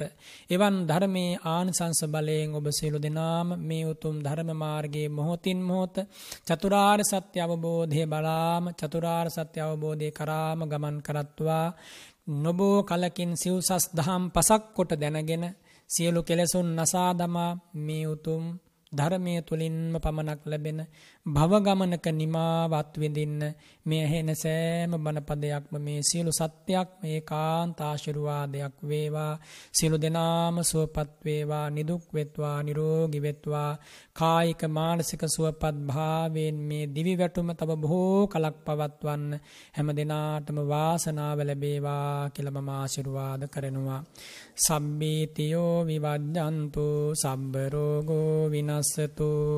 මාතේ භවත්වන්තරායෝ සුඛී දීඝායුකෝ භව භවතු සබ්බ මංගලම් රක්ඛන්තු සබ්බ දේවතා සබ්බ බුද්ධානුභාවේන සදා සොත්ති භවන්තු තේ සබ්බ ධම්මානුභාවේන සදා සොත්ති භවන්තු තේ සබ්බ සංඝානුභාවේන සදා සොත්ති භවන්තු තේ භික්කවේ අභිවාදන සීලිස්ස නිච්චං වද්ධා පචායිනෝ චත්තාරෝ ධම්මා වඩ්ඩන්ති ආයුවන්නෝ සුකං බලං ආයු ආරෝග්‍ය සම්පත්ති සග්ග සම්පත්ති මේවච. අත්හෝ නිබ්බාන සම්පත්ති ඉමිනාතේ සමිජ්ජතු. ඉච්ඡිතං පත්හිතං තුයිහං කිප්පමේව සමිජ්ජතු. සබ්බේ පුරෙන්තු චිත්ත සංකප්පා. චන්දෝපන්න රසී යතහාති සියලු දෙනාටම තෙරුවන්ගේ අනන්ත ගුණ බලයෙන් සියලු සැනසීම ලැබේවා. සියලු දෙනාටම තෙරුවන් සරණයි.